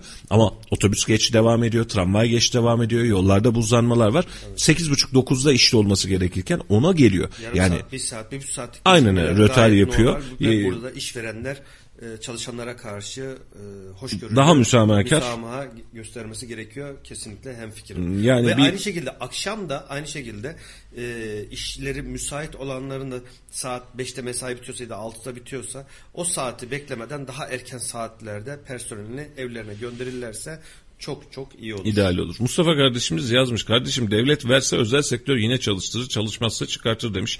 Yani zaten aslında da ta- şey bu e, tatsızlık noktası bu. İnsanlara e, müsamahakar olmak lazım ve bu dönemde hamile, e, engelli bu özellikle bu gruptaki vatandaşlara pozitif ayrımcılığı özel sektörde de yapmak lazım. Kanunun hukuken yönü yöntemi nedir bilmiyorum ama devlet tarafından da bu idari izin olarak sayılacak denilecekse bu gerçekten sayılabilmeli. Hani şöyle düşün. Covid testi pozitif çıkmış adamın. 7 gün karantinası var. 15 gün karantinası var. Ne yaptın? Sen SGK'ya bildirdin. Raporla yazsın. Doğru mu? O adam da gitti evinde yattı. Bu bir mecburiyet. Yani senin 15 gün karantinan var. Ben senin maaşından keseceğim. Gelmezsen işten atacağım diyebiliyor musun adama? Diyemiyorsun. Bu da benzer bir durum. Bu da sağlık durumu. Yani yola çıkacak şu karda buzda yola çıkacak ve sana gelmeye çalışacak. Üretmeye çalışacak. Sana işçilik yapmaya çalışacak. E sen de birazcık mümkünse müsamaha göster. Olan Özellikle bir vatandaşın yolda ilerlemesiyle engelli bir vatandaşımızın, kardeşlerimizin, arkadaşlarımızın yolda ilerlemesi, araçlara binmesi ya da toplu taşımayı kullanması aynı şey değil. Araçlar gidemiyor, yollar hala açılmamış ki kaldı ki kaldırımlar çok daha fena durumda. Evet. Lütfen bu konuda e, devlet yetkililerimize de seslenelim ya da belediye ile alakalı seslenelim. Bu konuda çok daha fazla duyarlı olmalarını, çok daha fazla hoşgörülü olmalarını, işverenlerin gerekirse bu inisiyatifi alıp akşamdan ya da sabah erken saatlerinde e, bu şekilde çalışan personeline kendi inisiyatifleriyle işverenin idari iznini kendiliğinden vermelerini talep edelim. Ben hatta bu dönemle alakalı daha önce de konuştuk. Daha sonra hatta bir dönem yapılmaya çalıştı kademeli çalışma. Covid zamanında hatırlıyorsun Ali'cim. Otobüsler tıklım tıklım, ulaşım tıklım tıklım, trafik çok kötü. Ve Covid var yani herkes tedirgin. O zaman da biz kalem almıştık, yazıyla kalem almıştık. Hatta ilk başta da söylemiştik. Kademeli mesai saati uygulamasına geçilmesi gerekiyor böyle zamanlarda. Yani mesela kış zamanı geldiğinde büyük işletmeler için söylüyorum. Herkes kaçta geliyor? Saat 8'de işbaşı yapıyor değil mi? Örnek veriyorum organize saat 8'de işbaşı yapıyor.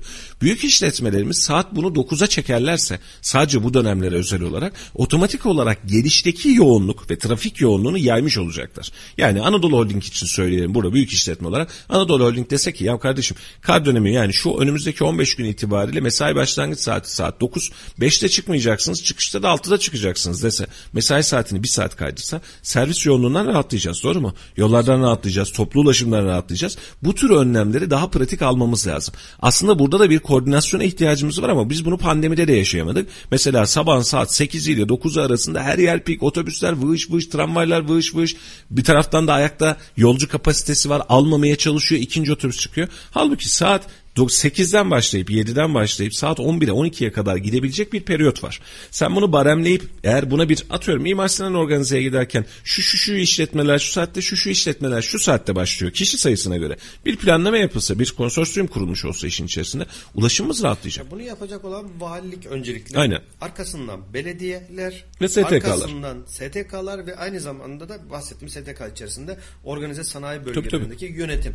Bunlar üçlü koordinasyonla çalışılan çalışmayan saatler, e, hangi firma hangi saatler arasında çalışılacak ve bununla ilgili de ulaşım sorununda belediye hızlı bir şekilde çok rahat çözebilir. Aslında söylediğim gibi hiç de zor değil. Aynen. Sadece birilerinin elini taşın altına koyması. İnisiyatif alması gerekiyor. Çözme istiyor mu, çözmek istemiyor mu? Bütün mesele bu. Ya mesela şehirdeki trafik sorununa da aslında çok önemli bir e, kazanım olacak. E, yani şöyle düşün.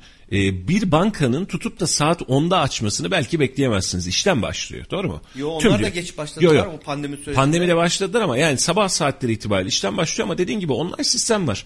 Yani bankayı geç açsan oluyor. Üretim bandına geldin adam gelecek kanepe üretecek ve yatak üretecek. İşçi gelecek ve çalışacak. Doğru mu? Bantta çalışacak. Sabah 8'de başlamasıyla sabah 10'da başlaması arasındaki fark ne? Kullandığımız mesai saati aynı değil mi? Aynı. Şimdi bunlar geçici dönemlerde özellikle eğer bu gerçekleştirilebilecek olursa şehrin trafik sorununu, şehrin ulaşım sorununu, şehrin topluma, toplu taşıma sorununu çözebileceğiz. Ama bunu yapmak için dediğin gibi birilerinin taşın altına elini koyması lazım. Ama şu an herkes şöyle bakıyor. Saat 8'de mesai başlar. Saat 9'da fabrikaya mı gelinir? E, tamam gelinmez kabul ediyorum. Erken gelsin insanlar hani geç gelmesin. Ama Belli bir süre için yapılmasında herhangi bir behis yok. Aynen öyle. Birçok firma cumartesi günleri çalışmıyor. Hiçbir şey bilmiyorsan 8 yerine 9'da başlarsın. 5 günü ne yapar? Birer saatten 5 saat. Cumartesi günü yarım gün çalıştığın zaman her şeyi zaten absorbe etmiş oluyorsun. Hepsi mümkün. Sadece bir organizasyon meselesi ve şehirdeki bizim toplu taşıma problemimizi. Mesela okullar için de aynısı geçerli Ali'ciğim. Yani 7'de başlayan okullar var, 8'de başlayan okullar var, 9'da başlayan. Mesela tam gün eğitim yapan okullar için söylüyorum bunu. 10'da başlasa ne olur? Hiçbir şey olmaz. 11'de başlasa ne olur? Ya sabahçı öğlenci diye kavram vardı. Aynen öyle. Öğleyin giden çocuklar da saat 5'te çıkıyor. Ne Aynen öyle. Şey ha bu sayede sen çıkış saatinde bir anlamda ileri doğru atmış olursun ve bu anlamda hem girişteki hem çıkıştaki zaman dilimini evet şehir sürekli yoğun gibi görünür ama şehirde trafik tıkanmaz. Şehirde ulaşım tıkanmaz. Herkes birbirinin kafasına rahat rahat gider gelir. Yani burada da değişen ne var? Aslında değişen hiçbir şey yok. Sadece bunu yapabilecek yöneticilere ihtiyacımız var. Bu inisiyatifi alabilecek. Hiçbir şey yapamıyorlarsa sürekli yapmasınlar tamam ama şöyle zamanlarda en azından yapsınlar. Mustafa abi bir soru sormak istiyorum. Kayseri'de özellikle yapılması gereken, genişletilmesi gereken, alt geçit, üst geçit yapılması gereken yerler nereler var sizce? O kadar çok ki. Çok fazla. O kadar çok gelir. Bu konuda belediyemiz yeterli çalışmaları yapıyor mu? Yapamıyor bütçe yok. Bir üst geçidi, bir alt geçidi yapmak belediye için ciddi maliyet. Ciddi maliyet derken, hadi şöyle söyleyeyim, eee, gerçekten ciddi maliyet. Hani böyle hani 100 bin liraya bir üst geçit yapılır mı? Yok yapılmıyor. 1 milyona yapılır mı? Yok yapılmıyor. Şu an belediye başkanı siz olsaydınız.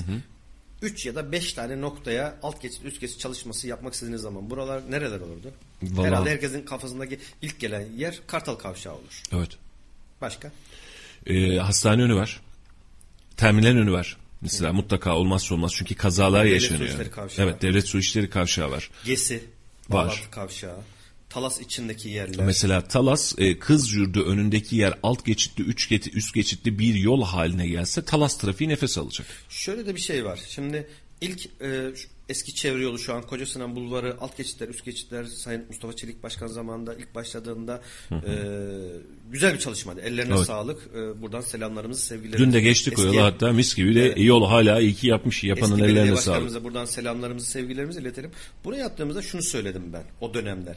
Ya bunu bir yerde başlayıp iki üç yerden yap yapıp bitirmek yerine çünkü orada trafik hızlanacak ister istemez ama alt geçit ve üst geçitin bittiği ilk yerde bu sefer yoğunluk inanılmaz bir şekilde artacak. Keza biz şu an devlet su işleri kavşağında hem sabah gidişte akşam gelişte inanılmaz bir e, yoğunluk olduğunu her Allah'ın günü neredeyse görüyoruz. Evet. O zaman bir yerde bir çalışma başlatılacaksa evet 3 tane 4 tane hem Tuna Kavşağı öbür taraftan Fuzuli Kavşağı e, ve İstasyon Caddesi ile Hastane Caddesi'nin birleşimi olan üst geçitler ve eski terminal kavşağı üst geçit muhteşem bir eser. Yapanların ellerine kollarına sağlık. Ama yeterli mi? Asla yeterli değil. Çünkü hem girişte hem devlet su işleri kavşağında bu sefer mevcut dağılan olan dağılımlı yoğunluk tek bir noktada birleşmeye başlıyor. O zaman çözüm ne? Kuzey Çevre Yolu üzerinden belki de Mimar Sinan Köprülü Kavşak'tan başlayıp ta Ambar mevkiine kadar metro Keşantkeri e, AVM'nin olduğu organize sanayi bölgesine giriş olduğu yere kadar bu alt geçit ve üst geçitlerin kesintisiz bir şekilde Tamamlanması tamamlanması gerekiyor, Trafik ki ışığından da tamamen-. Yani biz bunu e, Kayseri özelinde evet maliyet ama öbür taraftan farklı şehirlerde biz bunu fazlasıyla görüyoruz. Konya bunu bir şekilde yapmış. Eskişehir bir şekilde yapmış. Ankara bir Ali'cim şekilde şimdi yapmış. şöyle söyleyeyim. Kesintisiz Belediyenin belediyenin bütçesi bundan 5 yıl önce de yoktu. Ama finansman oluşturuldu. Şimdi villa parseli çıkartıp da ona buraya satıyorum demek yerine villa parseli çıkartıp buradan gelen parayla tutup da belediye hizmet yapabilirsiniz. Personel almak yerine var olan personeli koruyarak veya daha azaltarak personel maliyetinden tasarruf edebilirsiniz. Benzinlik çekme payı diye bir hadise var. Geçtiğimiz aylarda bizim gündemimizde de vardı hatırlıyorsun. Mecliste Belediye meclisine geldi. Şimdi açık ve aleni bir benzinlikçi şöyle diyor. Meclis çıkışında şimdi oturuyoruz. Diyor ki abi buraya 15 milyona ihale ettiler. 15 milyon alındı.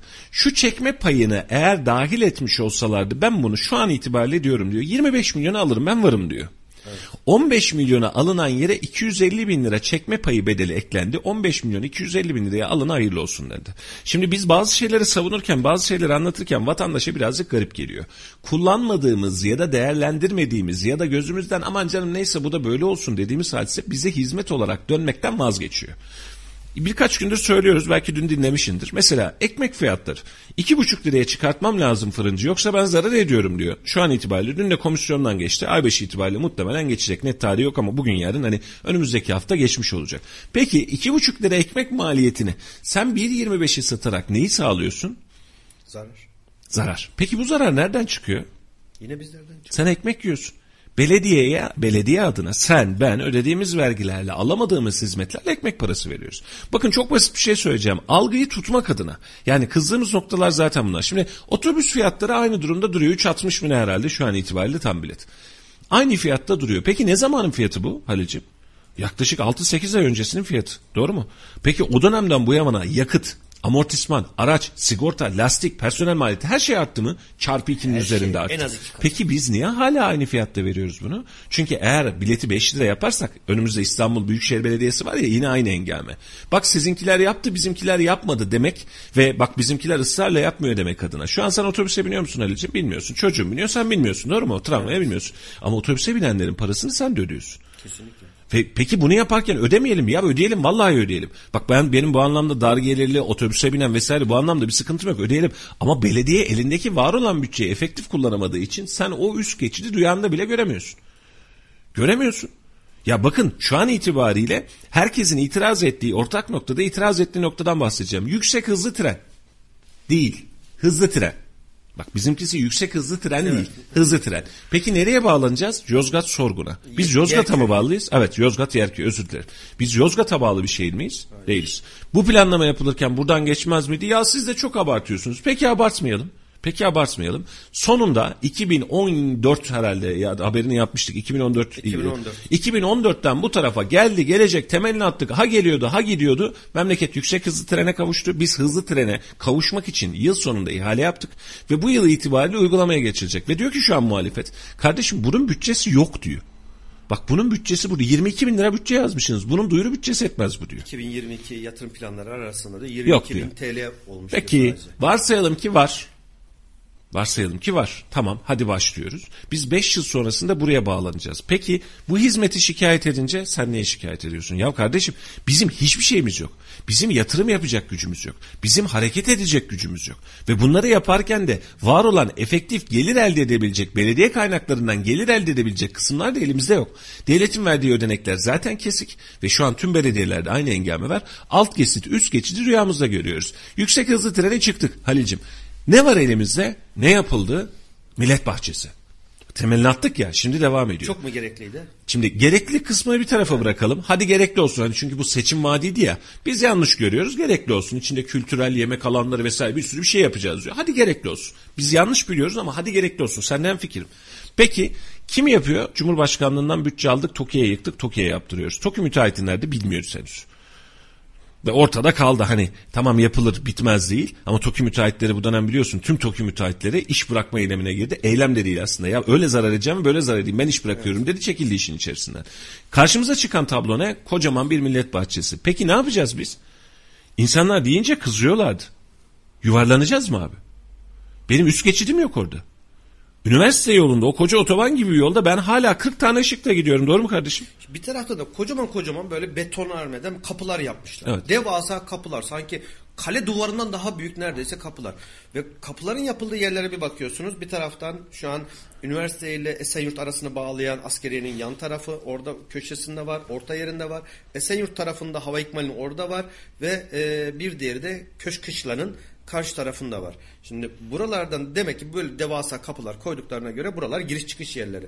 Peki oradaki yol, oradaki yoğunluğu ve insanların giriş çıkışını otopark anlamında, kavşak anlamında karşılayacak mı? Bakın ben şimdiden söylüyorum. Çok ciddi sıkıntılar yaşayacağımız bölgeler buralar. Yapıldıktan sonra, bittikten sonra inşallah güzel olur. İnşallah insanların faydalandığı yerler olur ama yine söylüyorum bu kadar büyük bir yatırımla, bu kadar büyük bir alan, bu denli çok mu gerekliydi? Onu yap, yapılacak ye, e, harcanacak para yerine 4 tane 5 tane daha ya da hatta en az 10 tane daha alt geçit üst geçit yapılabilir miydi? Kesinlikle yapılırdı. Ve Halicim sadece onunla kalmayacağım. Bak ufak bir not vereyim. Ee, şeyin e, atlı okçuluk merkezi yapıldı. Biliyorsun değil mi? Mazakalan. Mazakalan'da. Ne zaman ya verildi ihalesi biliyor musun? Pandeminin pik zamanında. İnsanlar maske vesaire bulamak ya. Beden ne kadardı? 10 milyonun üzerinde.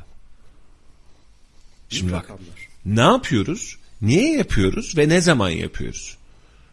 Bunların bence her biri çok çok önemli. Mesela pandemi döneminde belediyeler asfalt dökmese kızar mıydık? işte kimse de kızmaz. Kimse de kızmaz. Yani vatandaş bak kardeşim bizim böyle böyle sıkıntımız Anlayışla var. karşılardı. Tabii ki. Hani tabii ki bunu söylemekle. Yani bunu söyleyerek. Belediyeler asfalt yapmaya devam etti, öbürüne devam etti. Peki kabul. Vatandaşa dokunan alanlarda ne var? Bunu hep söylüyorum. Belediyedekiler de çalışan arkadaşlar da bazen bana kızıyor. Geçen gün Talas Belediyesi yetkilileri ve başkan yardımcısı, basın yayın müdürü beraberdik oturuyoruz. Evlere çam, ağaçlar, biberiyeler vesaireler dağıttılar. Etkinlikler yaptılar. Pandemiden bahsediyorum. Sokaklarda gezdiler, insanları var etmeye çalıştılar. Evlere bir şeyler bıraktılar, maske bıraktılar, kolonya bıraktılar, yaşlara baş... Yaptılar da yaptılar. Vatandaşa dokunur işlerdi, halka dokunur işler. Kitap dağıttılar, evde oturuyorsunuz diye. Çok güzel hizmetti. Dedim ki bütçesi ne kadar? Bir milyon filan ediyor hemen hemen. Toplam bütçesi. Bu bahsettiğimiz rakam belediye bütçelerinde ne biliyor musun Halil'ciğim? Devede kulak bile değil. Ve bakın çok ufak paralarla çok büyük işler yapılabiliyormuş bir kez daha gösterdi size. Bakın dün yine konuştuk sayfada da vardı. Sabahın köründe kütüphane önünde bekleyen öğrenciler var. Eksi 10 derecede sıra bekliyor kütüphaneye gireceğiz diye. Bunu yaklaşık iki buçuk üç ay öncesinde bu, bu mikrofonlardan konuştuk. Ya başkan etme. Saat 9'a kadar çıkarttım. Bu güzel bir şey. Özgür Özel mecliste söyledi. Ertesi günde başkan bey çalışma saatlerini esnetti. Saat 9'a çıkarttı. Niye 24 saat açık olmaz? Yani dün alttaki yorumlara gözlerim doldu ya. Ya bizde böyle öğrenciler varmış diyor. Sabahın köründe gidecek ve o kapıda bekleyecek öğrenciler varmış. Ya niye 24 saat yapmasın? Bu kadar mı zor bunun idrakini yapmak? Hadi başkan bey bizi dinlemiyor olsun. Hadi başkan bey bu sesi duymuyor olsun. Ya bunun idari personeli bunu yöneten arkadaşların hiç mi kafası çalışmıyor? Kurban olayım. Vatandaşa dokunacak, vatandaşa temas edecek hiçbir işte yoksun. Geçiyoruz. Çelik Başkan döneminde yapılan yola bak bak. 15 Temmuz Bulvarı doğru mu? Gittik. Seninle beraber de gittik Beraber soruna. Organizeye bağlanacak. Orada bir bir buçuk iki kilometrelik yer var belki de toplamda o kadar bile yok. Bitmiş ve bağlanamadı. Bağlanamıyor. Bekliyoruz. Yol bitiyor. Bir anda yol Ya niye bitirmiyoruz? Niye bitmiyor? Devam etmiyor. Çok da güzel alternatif bir yol. Ve bakın çiçek gibi bir Hulusi Akar bulvarımız oldu. Oh dedik bak Talas trafiği rahatladı dedik. Şu an ne yapıyoruz? Tek şeritten yol gidiyoruz. Tramvay çalışması yapıyoruz diye kabul. Ama sen bu yolu yaparken de bu çalışmayı başlayıp tüketebilirdin. Bir planlama hatası var mı burada? Sen o yolu yapmaya çalışırken zaten kapattın orayı. Doğru mu? Ve şu an itibariyle bakıyoruz biz hala aynı noktadayız. Ve en basitinden söylediğin Kartal Kavşağı'nda yapılabilecek bir düzenlemeye şehrin deli gibi ihtiyacı var. Sadabat Kavşağı dediğimiz o bir sonraki kavşak. Kartal Kavşağı, Şehitliğin yanı. Bu bölgelerde deli gibi ihtiyacımız var. Üniversitenin çıkışında yani her yerde ışık ışık koya koya gittiğimiz yerlerde alternatif çözüme ihtiyacımız var. Geçiyoruz Talas'ın girişinde yine Talas üzerinden gidelim. Kızyurdu'nun önündeki alanda bir alt geçit üst geçite ihtiyacımız var. Beş koldan araçlar bekliyor doğru mu? Doğru. Ya, her yanımız aşağı. Her, her akşam trafik kilitleniyor. İpek Saray Kavşağı. O Başımızın zaten belası. Başlı, başlı başına bir sorun. İpek Saray Kavşağı'nda ben 8,5 dakika beklediğim zamanı biliyorum. Aynen. 8,5 dakika. Neti şu. Şu an itibariyle bu insanlar buraya kavşak projesini yaptık iki yıl içerisinde yapıyoruz. Diyebildi mi? Diyemedim. Hulusi Akar Bulvarı'nda alt geçit çalışması yapacağız dediler. Başkan Bey başlattı. Dedi ki meclis toplantısında 6. 7. aya bitecek. Müteahhit firma çok iyi firma dedi. 1. ayda bitti. Ya Bu ay bitti ya daha yeni bitti. Mustafa Bey yapılsın da 3 ay sonra bitsin. Yeter ki 3 ay sonra bitsin. Ben orada değilim. Ya Halicim işte Kasım'da bitmesin de bizim görev bitsin. bizim yeter ki yapılsın, bak, yeter şimdi ki sonuç bak, olacak. Zaten Hiç tek tek atıyoruz. Bak zaten kurşunumuz tek. Tek tek atıyoruz. Onu da gerekli zamanda yapamıyoruz. Onun sonrasında da elimizdeki malzeme çıkmıyor. Ve bir taraftan bir konuya daha değinelim. Yavaş yavaş programın sonuna geliyoruz. Kayseri geçmişten bugüne kadar devlet yardımı alan en fakir illerden, en şanssız illerden bir tanesi. Her zaman için şu vardı. Ee, Kayserili kendisine yeten bir memleket. Kayserili işini bilir. Kayserili işini bilir. Benim devlet olarak bir şey yapmama gerek yok. Biz bu memlekette memleketten cumhurbaşkanları çıkarttık. Bakanlar çıkarttık. Genel başkan yardımcılar çıkarttık. Ama Kayseri'ye dönüp baktığımızda devletle alakalı bir yatırım hiçbir zaman görmedik. Ticaretin merkezi dedik. Türkiye'nin doğudan batıdan kuzeyden Öyle deme, güneyden kızıyorlar. orta yerinden Öyle deme kızıyorlar. ili- Şimdi sen gelmiyorsun. Vallahi basın kızarsa kızsın basın basın toplantılarında şöyle diyorlar. Biz devlet yardımını şu kadar şu kadar şu kadar aldık.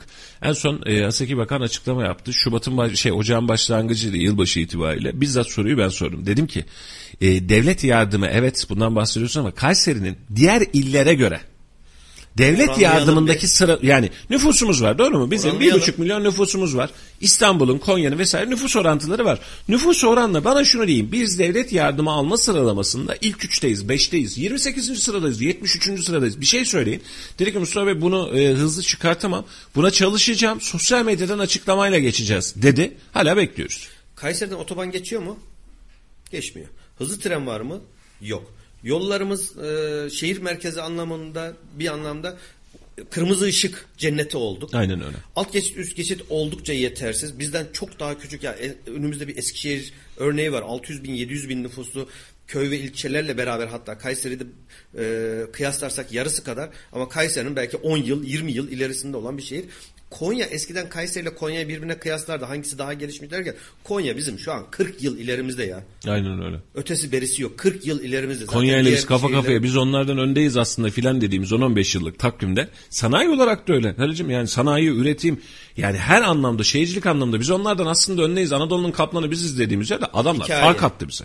Hikaye. Tozu dumana kattılar. Dışarıdan yani çok fazla şehir dışında hem yaşadım hem e, gezip gördüğüm için baktığımda maalesef Kayseri'nin algısı dışarıdan hiç bizim zannettiğimiz gibi değil. Yani hiç de zannettiğimiz gibi değil. Tam tersi yerlerde sürünüyoruz Mustafa Bey. Çok basit bir şey söyleyeyim. Her anlamda. Şehre şu an vatandaşlarımız her gün rutinden göremiyoruz ya. Şimdi şuradan çıkalım meydana doğru yürüyelim. Bir etrafa bir bakalım. Geçtik. Talas'a doğru yürüyelim. Organizeye doğru yürüyelim. Şehre yapılanmaya, yola, tarihi esere, sanata, kültüre, A'dan Z'ye her şeye bir izleyici gözle bakalım. Bu gözlemi alalım en yakınımızdaki bir başka ile gidelim. Hadi şuradan Maraş'a gidelim. Durum çok farklı. Ya ve bizim nitelikli olarak dediğin gibi geliştirmemiz gereken her sektör elimizde kaldı. Mesela en basit bunu hep tartışıyoruz. Elimizde devasa bir kalemiz var. Şehrin merkezinde kalemiz var. Kullanmıyoruz bile. Mahvettiler Bitti. ya. Kale, keşke eski haliyle kalsaydı. Orada bir ticaret dönüyordu, bir alışveriş dönüyordu. İnsanlar bir şekilde ihtiyaçlarını karşılıyordu. Keşke hiç ellemeselerdi. Keşke o kale eski e, işportacıların olduğu, aradığımız birçok ürünü bulabildiğimiz bir yer halinde keşke kalsaydı diyorum Mustafa Bey. Evet. Ve bir taraftan şehir planlamasına bakıyorum. Eskiden ben bunu daha önce e, birkaç yaptığım muhtarlar programında ya da ekonomiyle alakalı yaptığım programlarda dile getirdim. Yine tekrar son dakikalarda tekrar söylemek istiyorum. Eski Kayseri Sahabiye Mahallesi Fevzi Çakmak Caddesi'ne bir baktığımız zaman şu an 8 katlılar diye bildiğimiz Bozantı Caddesi'ne baktığımızda hepsi aynı katta ok gibi yollar, ip gibi dizilmiş yerler. Bir bölgede dört katlıysa her yer dört kat, üç kat yok, beş kat yok. Ama geldiğimiz noktada bir baktığımız zaman Deve üç kat cüce yanında, öbür taraf yanında 15 katlı, onun yanında 5 katlı, onun yanında bu ve yılandan daha fazla kıvrımlı olan yolları görüyoruz. Eskiden bunlar Kayseri'de yoktu. Bakın 70'li 80'li yıllarda havadan çekilmiş Kayseri görüntülerine baktığımızda muhteşem bir şehir görürken şu an ben açıkça söylüyorum rezalet bir Kayseri görüyorum ve ben hiç memnun değilim. Şehir planlamasına yolda kaldık. Yol planlamasına yolda kaldık. Devlet yardımları konusunda yolda kaldık. Otobanda yolda kaldık. Sınıfta kaldık daha doğrusu Deme sınıfta deme kızı, kaldık. deme deme kızıyorlar. Ondan sonra Valla kim zorlarına kızarsa geliyor. kızım. Ben bunu her ortamda, her platformda söyledim, söylerim. Bundan sonra da söylemeye de devam edeceğim. Ben üniversitede okuduğumuz dönemlerde sene 90'lı yılların sonuna doğru Süleyman Demirel o zamanlar Cumhurbaşkanı her e, akademik takvim yılında Kayseri'ye gelirdi. Şu an e, öğrenci arkadaşlarımız bilir kütüphane olan yer spor salonunun hemen yanın e, kütüphanenin yanındaki spor salonunda Cumhurbaşkanımız gelir ve o zamanki iş adamları Kayseri'ye geldiğinde ha bu kötü anlamda söylemiyorum çok güzel e, bir şey ama derdi ki şöyle bir hastane ihtiyacımız var hangi baba yiğit buna el atacak dediğinde rahmetli Kadir Has o zamanlar hayattaydı ben devralıyorum. Ya da diğer e, Kayseri'nin ekabil takımı e, hayırsever iş adamları işte şu okulu ben yaptırayım bu hastaneyi ben yaptırayım da dediği anda orada hem biz öğrencilerle birlikte konuşma yaparken Süleyman Demirel yine de Allah rahmet eylesin diyelim çok da tasvip etmiyorum ama yine de Allah rahmet eylesin göçtü gitti hak dünyasına yapardı. Ama biz böyle bir alıştırıldık ve arkasından Abdullah Gül gibi bir cumhurbaşkanı bile çıkardık. Mehmet Özseseki genel başkan yardımcısı çok uzun yıllardır belediye başkanlığı yapmış biri ama Kayseri ileriye doğru gitmesi gerekirken maalesef geriye doğru gidiyor. Kayseri'nin belediyecilik anlamında beğendiğim, sevdiğim dış il, illere Türkiye'nin dört bir tarafına gidip geliyorum. Ee, baktığım zaman tasvip ettiğim ve beğendiğim tek bir yönü var. Temizlik konusunda gerçekten iyiyiz. Bizden daha büyük şehirlere baktığım zaman Kayseri kadar temiz yolları yok. Kayseri kadar temiz kaldırımları yok. Çöpler konusunda Kayseri kadar başarılı başka il yok. Şu an Kayseri'deki 10 numara 5 yıldız mı? Değil ama diğer şehirlerle ben kıyasladığım zaman Kayseri'nin bu konuda çok çok ileride olduğunu görebiliyorum. Ama biraz önce saydığımız diğer konularda jeopolitik önemi var ama otoban geçmiyor, Nevşehir'den geçiyor. Hadi şöyle yapalım. Ee, sen bayağı birikmişsin. Sen Çok, bayağı çok, taşmışsın. çok birikti. şöyle yapalım. Yarın Kayseri'nin artılarını eksilerini konuşalım. Hatta biz de buna çalışmış olalım. Madem bu kadar birikmişsin yarın da seni o saatte kaldıralım. Çünkü Yarın yayınımızın aynen yayınımızın sonuna geldik. Yayını kapatmamız lazım. Yarın Kayseri'nin artılarını O zaman eksilerini belediyecilikle alakalı Tabii, tabii, tabii ki. geçmiş gelecek yaş itibariyle sen de e, Kurtarıyoruz. Evet kurtarıyoruz. 30 yıl 40 yıl geriyi hatırlayabilecek yaştayız. Hatta bu konuda bizden daha yaşça ileride olanlardan da e, destek bekleyelim. Mesajlarını bize hem gün içerisinde özelden sayfalarımıza da yazabilirler. E, diledikleri gibi de programımıza Artılarımızı, eksilerimizi beraber paylaşmış olalım. Efendim 91.8 Radyo Radar'daydınız. Bugün beni çok konuşturmadı. Halil sağ olsun var olsun. İlk kez bu kadar rahat yayın yaptım. Rahat rahat konuşuyor. Ben de rahat rahat oturuyorum. Teşekkür ediyorum Halil'cim. Ben Yarın yine beraberiz. Ee, yarın yine aynı saatlerde birlikte olmaya çalışacağız. Hava şartlarına bağlı olarak 7-7.30 civarından saat 9'a kadar devam eden bir program akışımız var. Yarın yine aynı frekansta sizlerle birlikte olacağız. Yayın konuğumuz Allah'tan mani gelmez. Yine Halil İbrahim Öztürk olacak. Ee, aynı saatte yeniden aynı frekansta görüşmek üzere. Kendinize iyi bakın. Kaymayın. Dikkatli gidin. Yollar açık değil. Yollar sıkıntılı. Sayfadan da yol durumlarını takip edebilirsiniz. Yarın yeniden görüşmek üzere. Hoşçakalın. Hoşçakalın. Radyo Radar yol açık sona erdi.